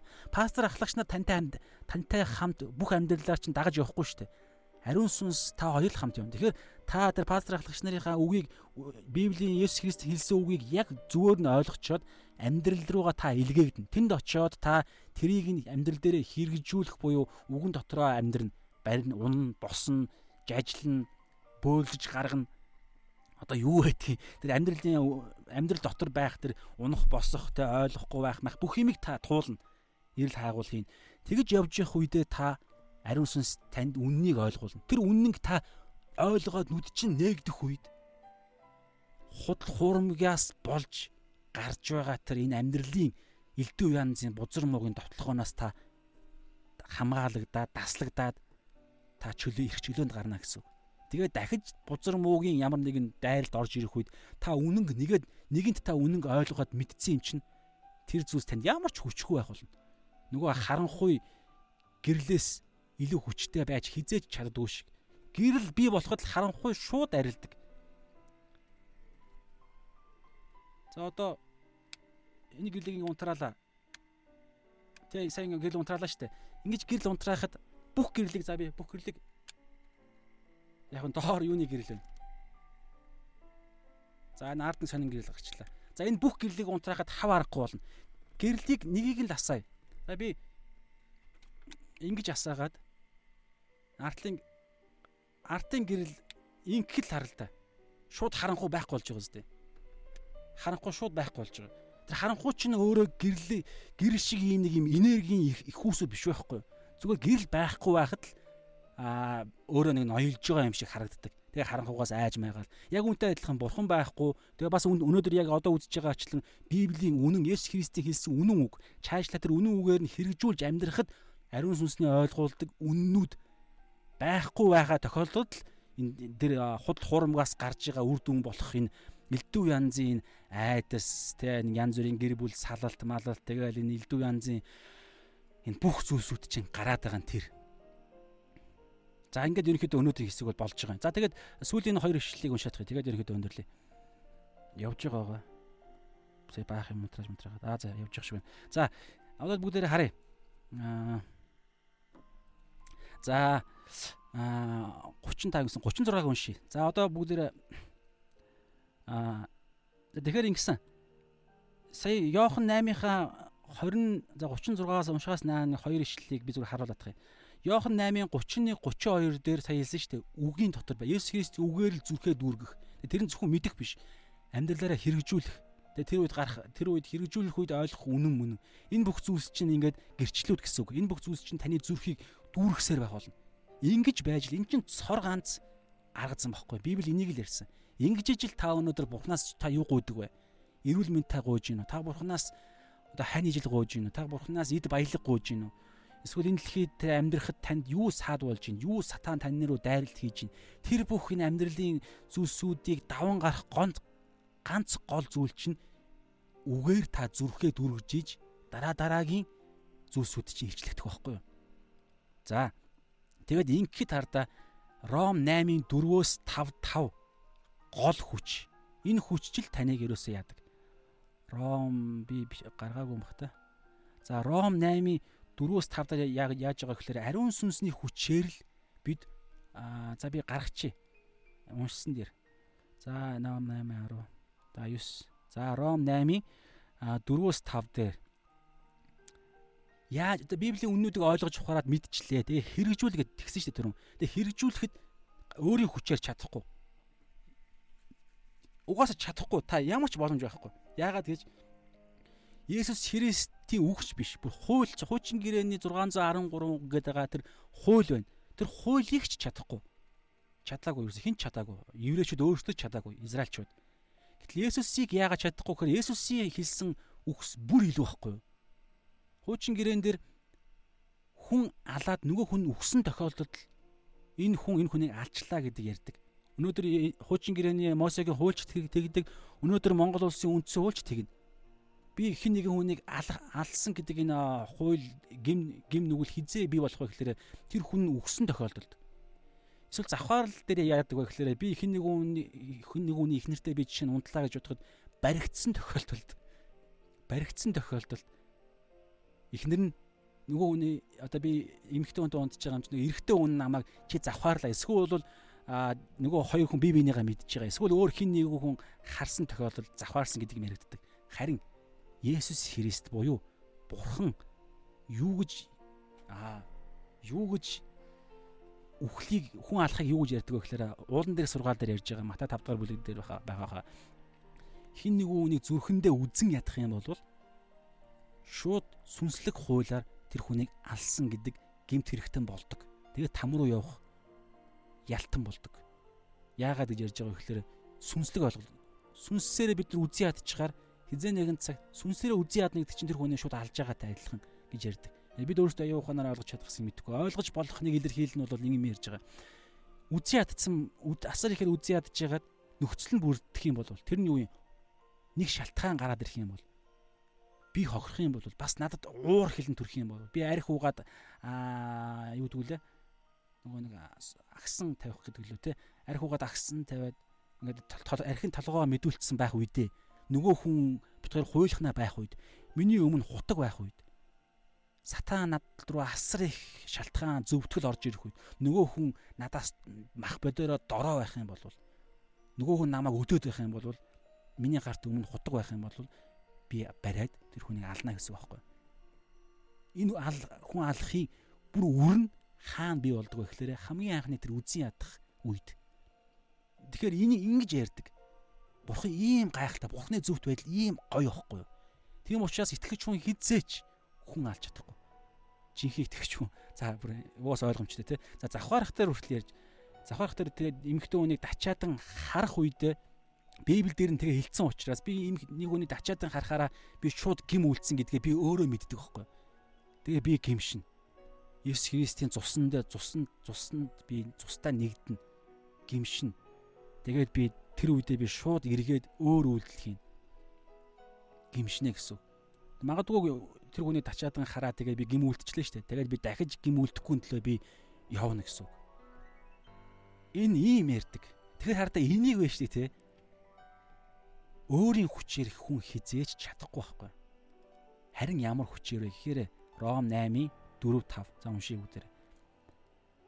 Ингэснээр хуулийн за өмнө юм ярьж байгаа шүү. Та Ром 8-ыг тэр чигээр уншаарай. За 4 5-ыг уншия. Ингэснээр хуулийн шаардлага нь энэ ямар хуулийн? Хуучин гэрээний хуульч орж иж байгаа дээр нэмээд Есүс Христийн Есүс Христ тардаа Матай уулан дээрх сургаалын Матай 5-ын 20 дээр 20 дээр юу гэж хэлсэн гэж итгэгч нарт итгэгч нартай хандж өөрийнх нь өнөөдөр бид нарт ч гэсэн хандж юу гэж хэлсэн бэ гэхээр хэрв та нарын зөвхт байдал фарисеучуд болон хууль хуулийн багш нарын зөвхт байдлаас илүү гарахгүй бол та нар Тэнгэрийн хаанчлалд яасан ч орж чадахгүй гэж хэлсэн. Би би өөр яг нэг ч үг алдаагүй сая бүгдийг уншсан шүү. Матай 5:20 дээр та очиж үзээрэй. Бид нарыг аварсан тэр эзэн маань тэгж хэлсэн. За зарим хүмүүс энэ Матай ном еврейчүүдэд хандж хэлсэн бид нарт хандж хэлээгүйгээд тэгж тайлбарлаж магадгүй. Тэгвэл тэр хүн аимшигтайгаар шүүгдэх буруу юм хийж гинэ гэсэн үг. Магадгүй бүр чаашлаа тэр хүн нөгөө нэг хуурамч иш үзүүлэх байх ч иш үзүүлэгч байх ч магадaltaй. Биднэрт хамаатай. Магадгүй яг балчир мэдлэгтэй үг заадаг хүн байвал яг тэр хүн өршөөгдөж болох юм те гимшээ дараа нь зүвөө ойлгох юм бол Яагаад вэ гэхээр хараа фарисеучуд хуулийн багш нарын зүвт байдал чинь тийм аимшигтэй, тийм гоё юм биш байхгүй да. Бид нар угаасаа илүү гарна. Тэд нар юу тэд нар мацаг барьдаг. 7 хоногт бүр 3 удаа мацаг барьдаг. Тэгээ бурхныхаа одоо юу гэдэг их юм хийж байгаа харагдаж байгаа. Гэтэ бид нар яана гэж жинхэнэ итгэгч нар бол бид нар түүнээс хамаагүй илүү хийж байгаа. Аа тэгээ Есүс хэлсэн байгаа дээ та нар түүний хэлсэн фарисеучуд хуулийн багш нарын заасан үг урыг нь үг бүрийг нь биелүүл. Гэхдээ тэдний үйлддэг юмыг нь хизээж битгий биелүүл гэж хэлж байгаа байхгүй. Тэд нар өөрсдөө бузар мууг үйлддэг. Түүнээс нөх айхт айхтар тэд нар зөвхт зөвхт үйлддэг юм биш л дээ. Биш. Тий. Тийм учраас энэ тухайн үед амьдарч исэн хүмүүстэй хамт хэлсэн байгаа юм. Тэгтэл бид нар түрүү хэлсэд харж байна. Хин нэгний үзэн ятахгүй байх бид нар дуудлагатай шүү дээ. Хин нэгний нүдэрээ бид завхаарч харахгүй байх дуудлагатай би чаддаггүй. Хин нэгний би үзий ядчаад байдаг. Би нүдэрээ завхаарчаад байдаг. Тэгэхээр би чадахгүй байгаа сте. Яагаад чадахгүй байгаа дахь би би яг зөв шин гэрээний зөв амьдралаар зөв итгэгч хүний надад өгөгдсөн би бололцоогоор би амьдрахгүй байна гэсэн үг байхгүй.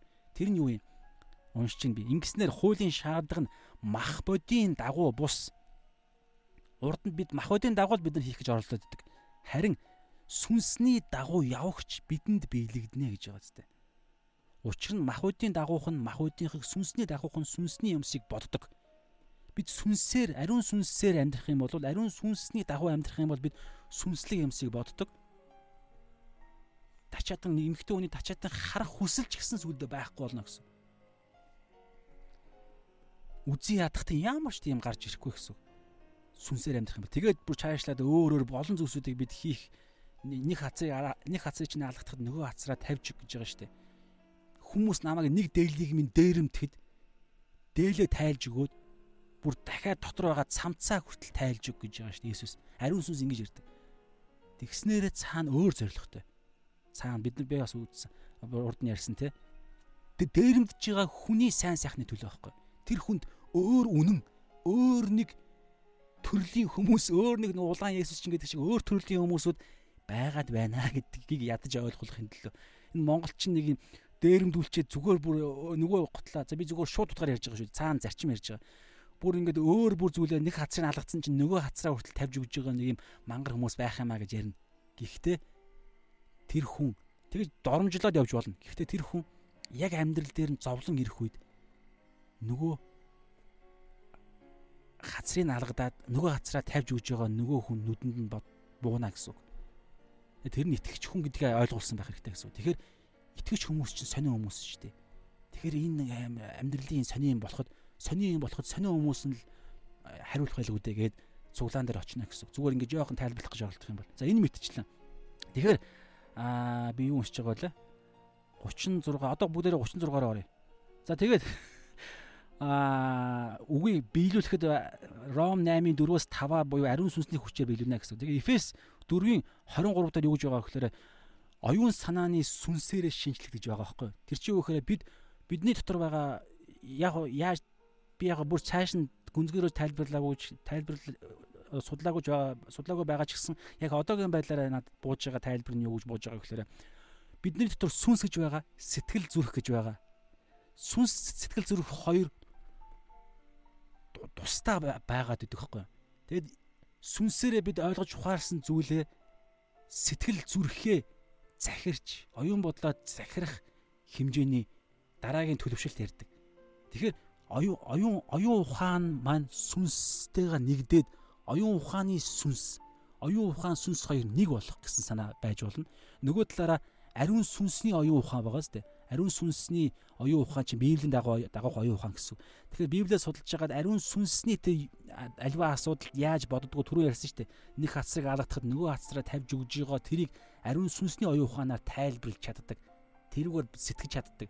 Тэгээд хитгэн секундын дотор шууд тэгж үйлдэх хэмжээний тийм оюун санааны шинжилт шинжилт рүү бид нар чиглэж явна гэсэн санаа байхгүй юу? Энд ингэж энэ зүйл чинь зүрхний бэлтгэл яригддаг. За эн чинь нөгөө ариусгалын процесс. Тэгэхээр бүгдээрээ 36 уншия. Би та нарт хэлье. Бодлогогүй хэлсэн үг бүрийнхээ төлөө хүмүүс шүүлтийн өдөр тайлхнах болно гэж байгаа. Энэ юу хэлж байгаа гэхээр шүүлтийн өдөр бол шүү дээ итгэгч бид нар яг нөгөө нэг үхүү мөнхийн там тамлагдах уу мөнхийн тэнгэрийн аанчлал жарах уу гэдэг шүүлтээр бид нар бол орохгүй. Яг Есүс Христийн шүүлт ярьж шүү. Түүнээс яг бид нар үхэх үедээ бол энэ шүүлтээр бид нар орно шүү дээ яг оронгуутлаа бид нар шууд Есүс Христ итгэсэн итгэлээрээ итгэлийн тунхагаараа итгэх зүрхэнд итгэсэн итгэлээрээ энэ энэ итгэлийнхаа дагуу өнөөдөр энэ дэлхий дээр үргэлжлүүлэн эзнээ болгон амьдралынхаа эзнээ болгон тэр боол эзний харилцаан дунд байгаа тэр амьдралын тэр хичээл зүтгэлүүдээрээ бид нар итгэгч гэдгээ бид нар үхсний дараа яг үхэх мөчөд бид нар шүүлтээр ороод итгэж шийдэн батлагдах үед угаасаа бидний итгэл яг авар итгэл нь байгаа гэдг нь бурхнаар батлагдах үед бид нар үхлээ Нэгэн секундын дотор бид нар шууд үхсдийн орон дотор байгаа тэр Авраамийн өвөр гэж хэлэгдсэн Лук номон дээр байгаа Авраамийн өвөр буюу Деваж нь бид paradise гэсэн хэллэг heaven биш шүү. Paradise гэсэн хэллэг рүү бид нар Деважинд очино. Авраамийн өвөр. А харин хичнээн сайн үйл үлддэг байсан ч гэсэн хичнээн ёс суртахуунтай байсан ч гэсэн Есүс Христэд итгээгүй гим нүглийн асуудлаа шийдээгүй хүн бодвол үхлээ 1 секундын дотор шууд тамд нөгөө нэг баян Лазарын Лазар биш баяных нь зовж ирсэн тамд тарчилна гэсэн үг байхгүй. Харин одоо энэ дээр ярьж байгаа энэ шүүлтийн өдөр өдргээд байгаа тэр эцсийн өдөр шүүлтийн өдргээд байгаа тэр өдөрт болохоор бид нар нөгөө нэг хүү мөнхийн тамд орох уу гэдэг шүүлтээр бид нар орохгүй. Гэхдээ бид нар өөр нэг шүүлтээр орно. Энд дэр хар та. Зүгээр яг тэр нь янз бүрийн хиллэг яг байгаа. Тэр нь одоо юу гэдэг юм аа жишээ нэг нэг хаана Яаков дээр байгаа гэх түрүүнд нэг хүн яг шиг болсон. Аа багш хүмүүс болгоомжтой бай. Багш хүн хэд дахин илүү шүүлтэнд орно гэсэн санаа байгаа шүү дээ. Бусад заахта яаж зааж байгаа хэлсэн үгээрээ одоо энэ дээр нь шүү дээ. Би танарт хэлээд бодлогогүй хэлсэн. Энд яг бодлохгүй гэж байгаа юм. Тэр Яаков дээр ч үлээ хаана болоо тэр загтал дээр загтлуудын нэгэн дээр нь байгаа тэр багшийн ишлэлээр болохоор тэр багш заасан юмараа Библийн үгийг тайлбарлаж заасан юмараа хэрвээ буруу тайлбарлсан бол тэрүүгээрээ шүүгднэ гэж байгаа байхгүй. Гэхдээ тэр нь хүртэл одоо юу гэдэг юм а хуурамч иш үзүүлэгч буюу хуурамч багш биш л болвол зөв жинхэнэ итгэгч мөртлөө жинхэнэ тэ бурхны охид хөгүүд мөртлөө буруу тайлбарлаж байгаа тохиол зөндөө байгаа шүү дээ. Тэдгэр хүмүүс нь яг ихээр шудраг байдал бас шудраг байдал ялалтанда хөрж бас тэдгэр хүмүүсд буруу заасан үгсийнхаа дагуу шүүгдэнэ. Гэхдээ там руу явах шүүлт биш би энийг сайн судлаагүй ч гэсэн Библи энийг ярьж байгаа. Тэнглийн усад очиод тэд нэг юм өөр нэг юм тэр хэлсэн үг одоо энэ дээр энэ дээр бүр хардаа бодлогогүй хэлсэн үгсээр гэж байгаа сте. Бүр хоосон зүгээр тоглоомоор хэлсэн үгсээрээ итгэгч нарын хувьд ярьж байгаа шүү бас.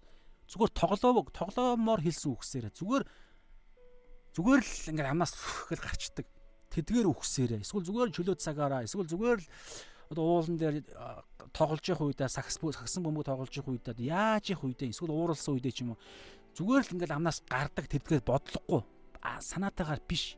Санаандгүй хэлсэн үгсээрээ шүүлтийн өдөр а шүүгдэн биш. Энэ хардаа тайлагна гэж байгааз. Тооцоо той тооцоо бодогдно. Гэхдээ там руу явахгүй ч гэсэн тооцоо байгаа. Итгэгч нар ийм шүүлтээр бас орно шүү. Шүүлтийн өдөр. Там руу явахгүй гэхдээ өөр тэрийг бүрэн бие судалж мдээгүй байна. Судлаа судлах болно мэдээж. Тэгэхээр амнаас гарч байгаа үг маш чухал шүү. Тоглоом, нарийн Библиэр бас байгаа. Бодлогогүй, мунхаг үгс. Аимшигтэй хор хөнөөлтэй, ямар ч хэрэггүй, тэ энийг битгий хийх гэсэн санаа бол байгаа. За тэгээд 37 уншиг үдэрэ. Учир нь чи үхсээрээ зөвтгөгдөн мөн үхсээрээ яллагдана. Энд дээр хардаа энэ дээр хардаа үгсээрээ зөвтгөгдөн.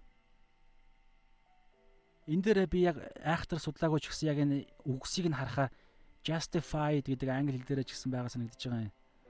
Matthew хана. Би гаргалуу гараа боголоо. Энд шүү дээ. Аа Matthew 12-ын 37. За ингээд бүгдээр дуусах юм шүү. Тэ for by your words you will be justified зөвтгөгдөн and by your words you will be condemned а тийм яллагдана шийтгэгдэн яллагдана гэсэн үг. Тэгэхээр аврал хүртэл иймэрхүү юм болно шүү дээ. Хүн өнөөдөр бид нар өнөөдөр хүн өглөө гэж за өнөөдөр би өглөө гэж бодоход үхсний дараа түрүүн ярьсан нэгэн секундын дотор би үгсээрээ зөвтгөгдөн нэг бол би үгсээрээ яллагдана. Ямар үгс юм? Есүс миний эзэн. Есүс миний Одоо сайн мэдээг л би тунхаглана гэсэн. Зүрхний бэлхлаар үг ярьдаг гэж түрүүн э, Матай дээр хэлсэн шүү дээ. Матай 34 дээр болоо. Тий. Матай 12-ын 34 дээр зүрхний бэлхлаар ам ярьдаг. Тэгэхээр ам итгэвч сүнслэг ойлголтоор бол шүүлтийн өдөр тэр тусмаа хүн өгсний дараа чинь шүүлтээр орж штэ. Тэгэхээр өгсний дараа ч гэсэн амнаас гарч байгаа үг зүрхнээс гарч байгаа үг хоёр хамт учраас зүрхэнд итгэдэг зүйлээрээ хүн шүүгдээд итгэгч гэдэг нь тодорхойлогдох юм бол шууд тэр түрүүний ярьсан өгсдийн орны тэр Деважин гэдэг газарт Авраамийн өвөр гэдэг газарт бид нар очиж штэ жаргана. Тэгэхээр хардаа 37 дээр үхсээрээ зөвтгөгдөн, үхсээр ялагдана. Харин хүн өөхөх үед магадгүй тэ тэгэхээр би үхсний дараах шүүлтийг би сайн ойлгоогүй судлаагүй байна. Ямар ч нэг л шүүлтийн өдөр байгаа. Гэхдээ хүн үхсний дараа шууд хоёр үхсийн оронд байгаа тэр Лук номон дээр хэлсэнчлэн баян ядуу гэсэн баян Лазар гэсэн хоёр хүний баян хүн Лазар гэсэн ядуу Лазар хүн гэсэн хоёр хүний дунд тийм асар том ангал байгаа штэ тэр галф гэдэг ангал гэдэг ойлголт. Тэгэхээр үхээд шууд хүн хүн там руу явах уу, диважн руу явах уу гэдгийг шийдэгдэх шийдэгдэж байгаа сте. Тэгэхээр тэнд шүүлт байгаад байгаа байхгүй. Тэр нь гэхдээ энэ дэлхий дээр байхдаа шийдэгдэж байгаа. Итгэх үед сайн мэдээ амьдрал дээр таны амьдралд ирлээ та итгэх юм бол шууд шийдэгдэж байгаа юм л да. Энэ дэлхий дээр шийдэгдэж байгаа юм үгээрээ шийдэгдэн. Түрүү ярьсан шүү дээ. Рома 10-ын 9 дээр хүн зүрхээрээ итгэн зүвт байдал хүрч амаараа хүлээн зөвшөөрөн амаараа буюу амьдралаараа таавал миний амьдралыг эзэн. Тэгээ амаараа эзний үннийг тунхаглана гэсэн үг. Тэгээ амаараа сайн мэдээ номлон тараана. Ер нь амаараа ярьж байгаа амнаас гарч байгаа үгсээр тэгээд өнөөдөр ярьдаа энэ 36 дээр бодлогогүй ярьсан үгс. Бодлогогүйгээр бид нар сайн сайхныг ярьдаг болох хэмжээнд очих дуудлагатай байхгүй. Бодлогогүйгээр бид нар үннийг, бодлогогүйгээр бид шууд амаасаа сайн сайхныг, үннийг, үннийг шудраг байдлыг тунхаглаж байгаа нь хүртэл бид нарыг зөвтгөх байхгүй. Яллахгүй. Харин тэр лазер магадгүй Тэ яг үхлийн дараа тэр там руу явах хөт би яагаад там руу явах ёстой галтнуурыг яриаг байгаа штэ яагаад би там руу явах ёстой би сайн сайхныг хийсэн штэ гэж магадгүй тийх баг. Гэхдээ энэ шүүлт эцсийн өдрөл болох юм л да ер нь бол илүү зүрхэнд буугаад байгаа. Шууд л тийш явж байгаа. За тэр яах вэ? За тэгээд ерөнхийдөө өнөөдрийн хэсэг өндөрлж байна. Тэгэхээр бүгдээрээ дүгнэхэд юу гэж дүгнэх вэ гэхлээр зүрхний бялхал гэдэг энэ үг. Зүрхний бялхлаар ам ярддаг. Мод үр жимсээрээ танигдана буюу зүрхний бялхалд юу байна? Тэрүүгээрээ ам нь ярина буюу үр жимс нь гарч ирдэг. Бас юу ярьж байгаа чинь, юу үйлдэж байгаа чинь байгаа байгаа нь биднийг модуу, сайн модуу, муу модуу, хомхой чонуу аа хонь уу аа бас хорт могоо удам уу бурхны удам уу гэдгийг чинь бидний амнаас гарч байгаа үг илчилж байдаг. Тэгэхээр бид өөрсдийгөө ч гэсэн шүүх боломжтой.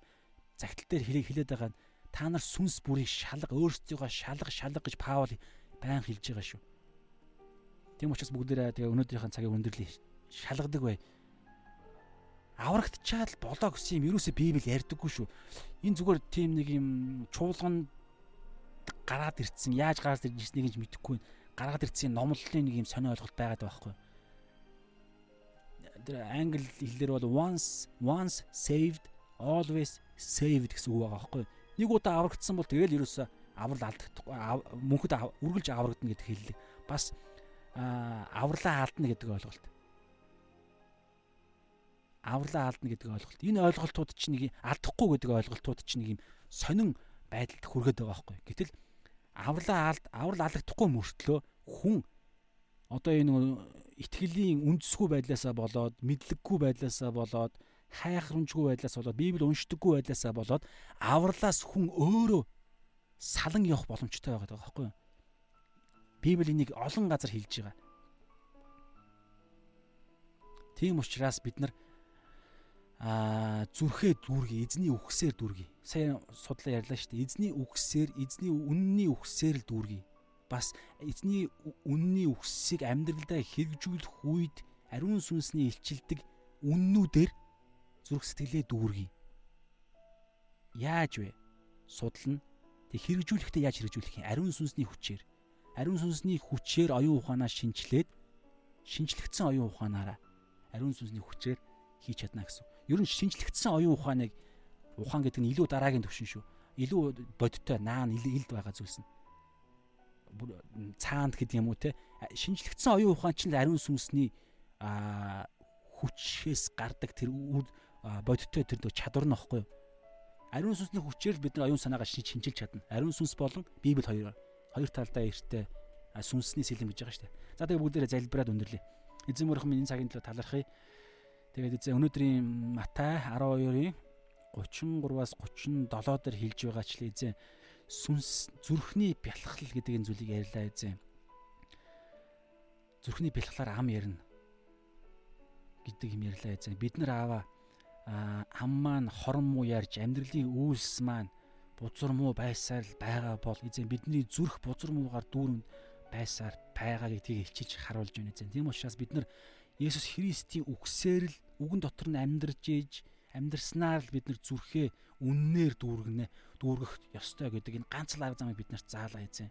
Тэгээ эзэн үүний тулд бид нар чуулгандаа хамрагдаж үнний үгсүүдийг заах бэлэг авяас өгцөн тэр пастор ахлагч нараар заалгаж ойлгож ухаарад тэгээ зогсох биш. Ингээ зогсвол бас ямар ч үр дүнгүй. Тэрийг амьдралдаа хэрэгжүүлснээр ариун сүнс бидэнд үнэн ойлгуулаа тэр үнэн биднийг чөлөөлнө гэж ярьлаа эн чинь эзэн бидний тэр үр жимс. Бидний хүсэж байгаа зүйлс гаргахна гэдгийг өнөөдөр Библийн дагуу эзэн бид нар хам сэдвийн дагуу ойлголоо. Эзэн өнөөдөр бидэнтэй хамт байсан хідэн хүн байх нь хамаа байхгүй, дахин сонсох хүн хэн байх нь хамаа байхгүй.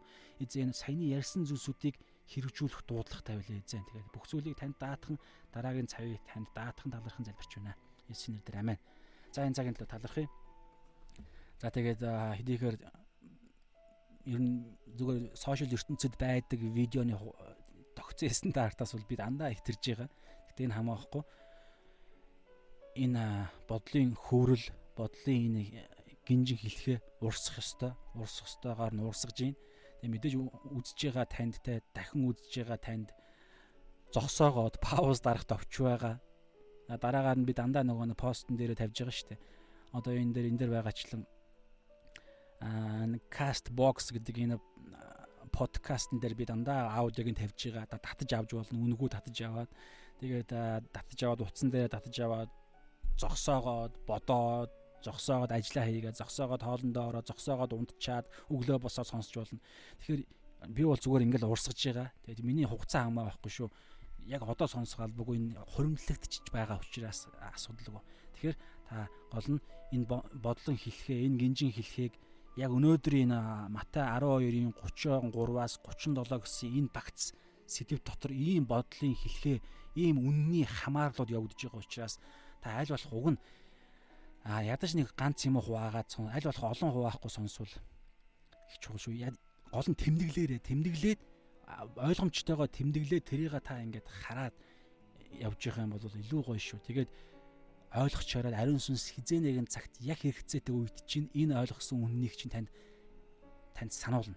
За тэгээд дараагийн цаг хүртэл түр баяртай. За шалом. За өөр ямар нэгэн юу байхгүйсэн байгаа. За за. За шалом. Дараагийн цаг хүртэл. Дараагийн цаг хүртлээ түр баяртай.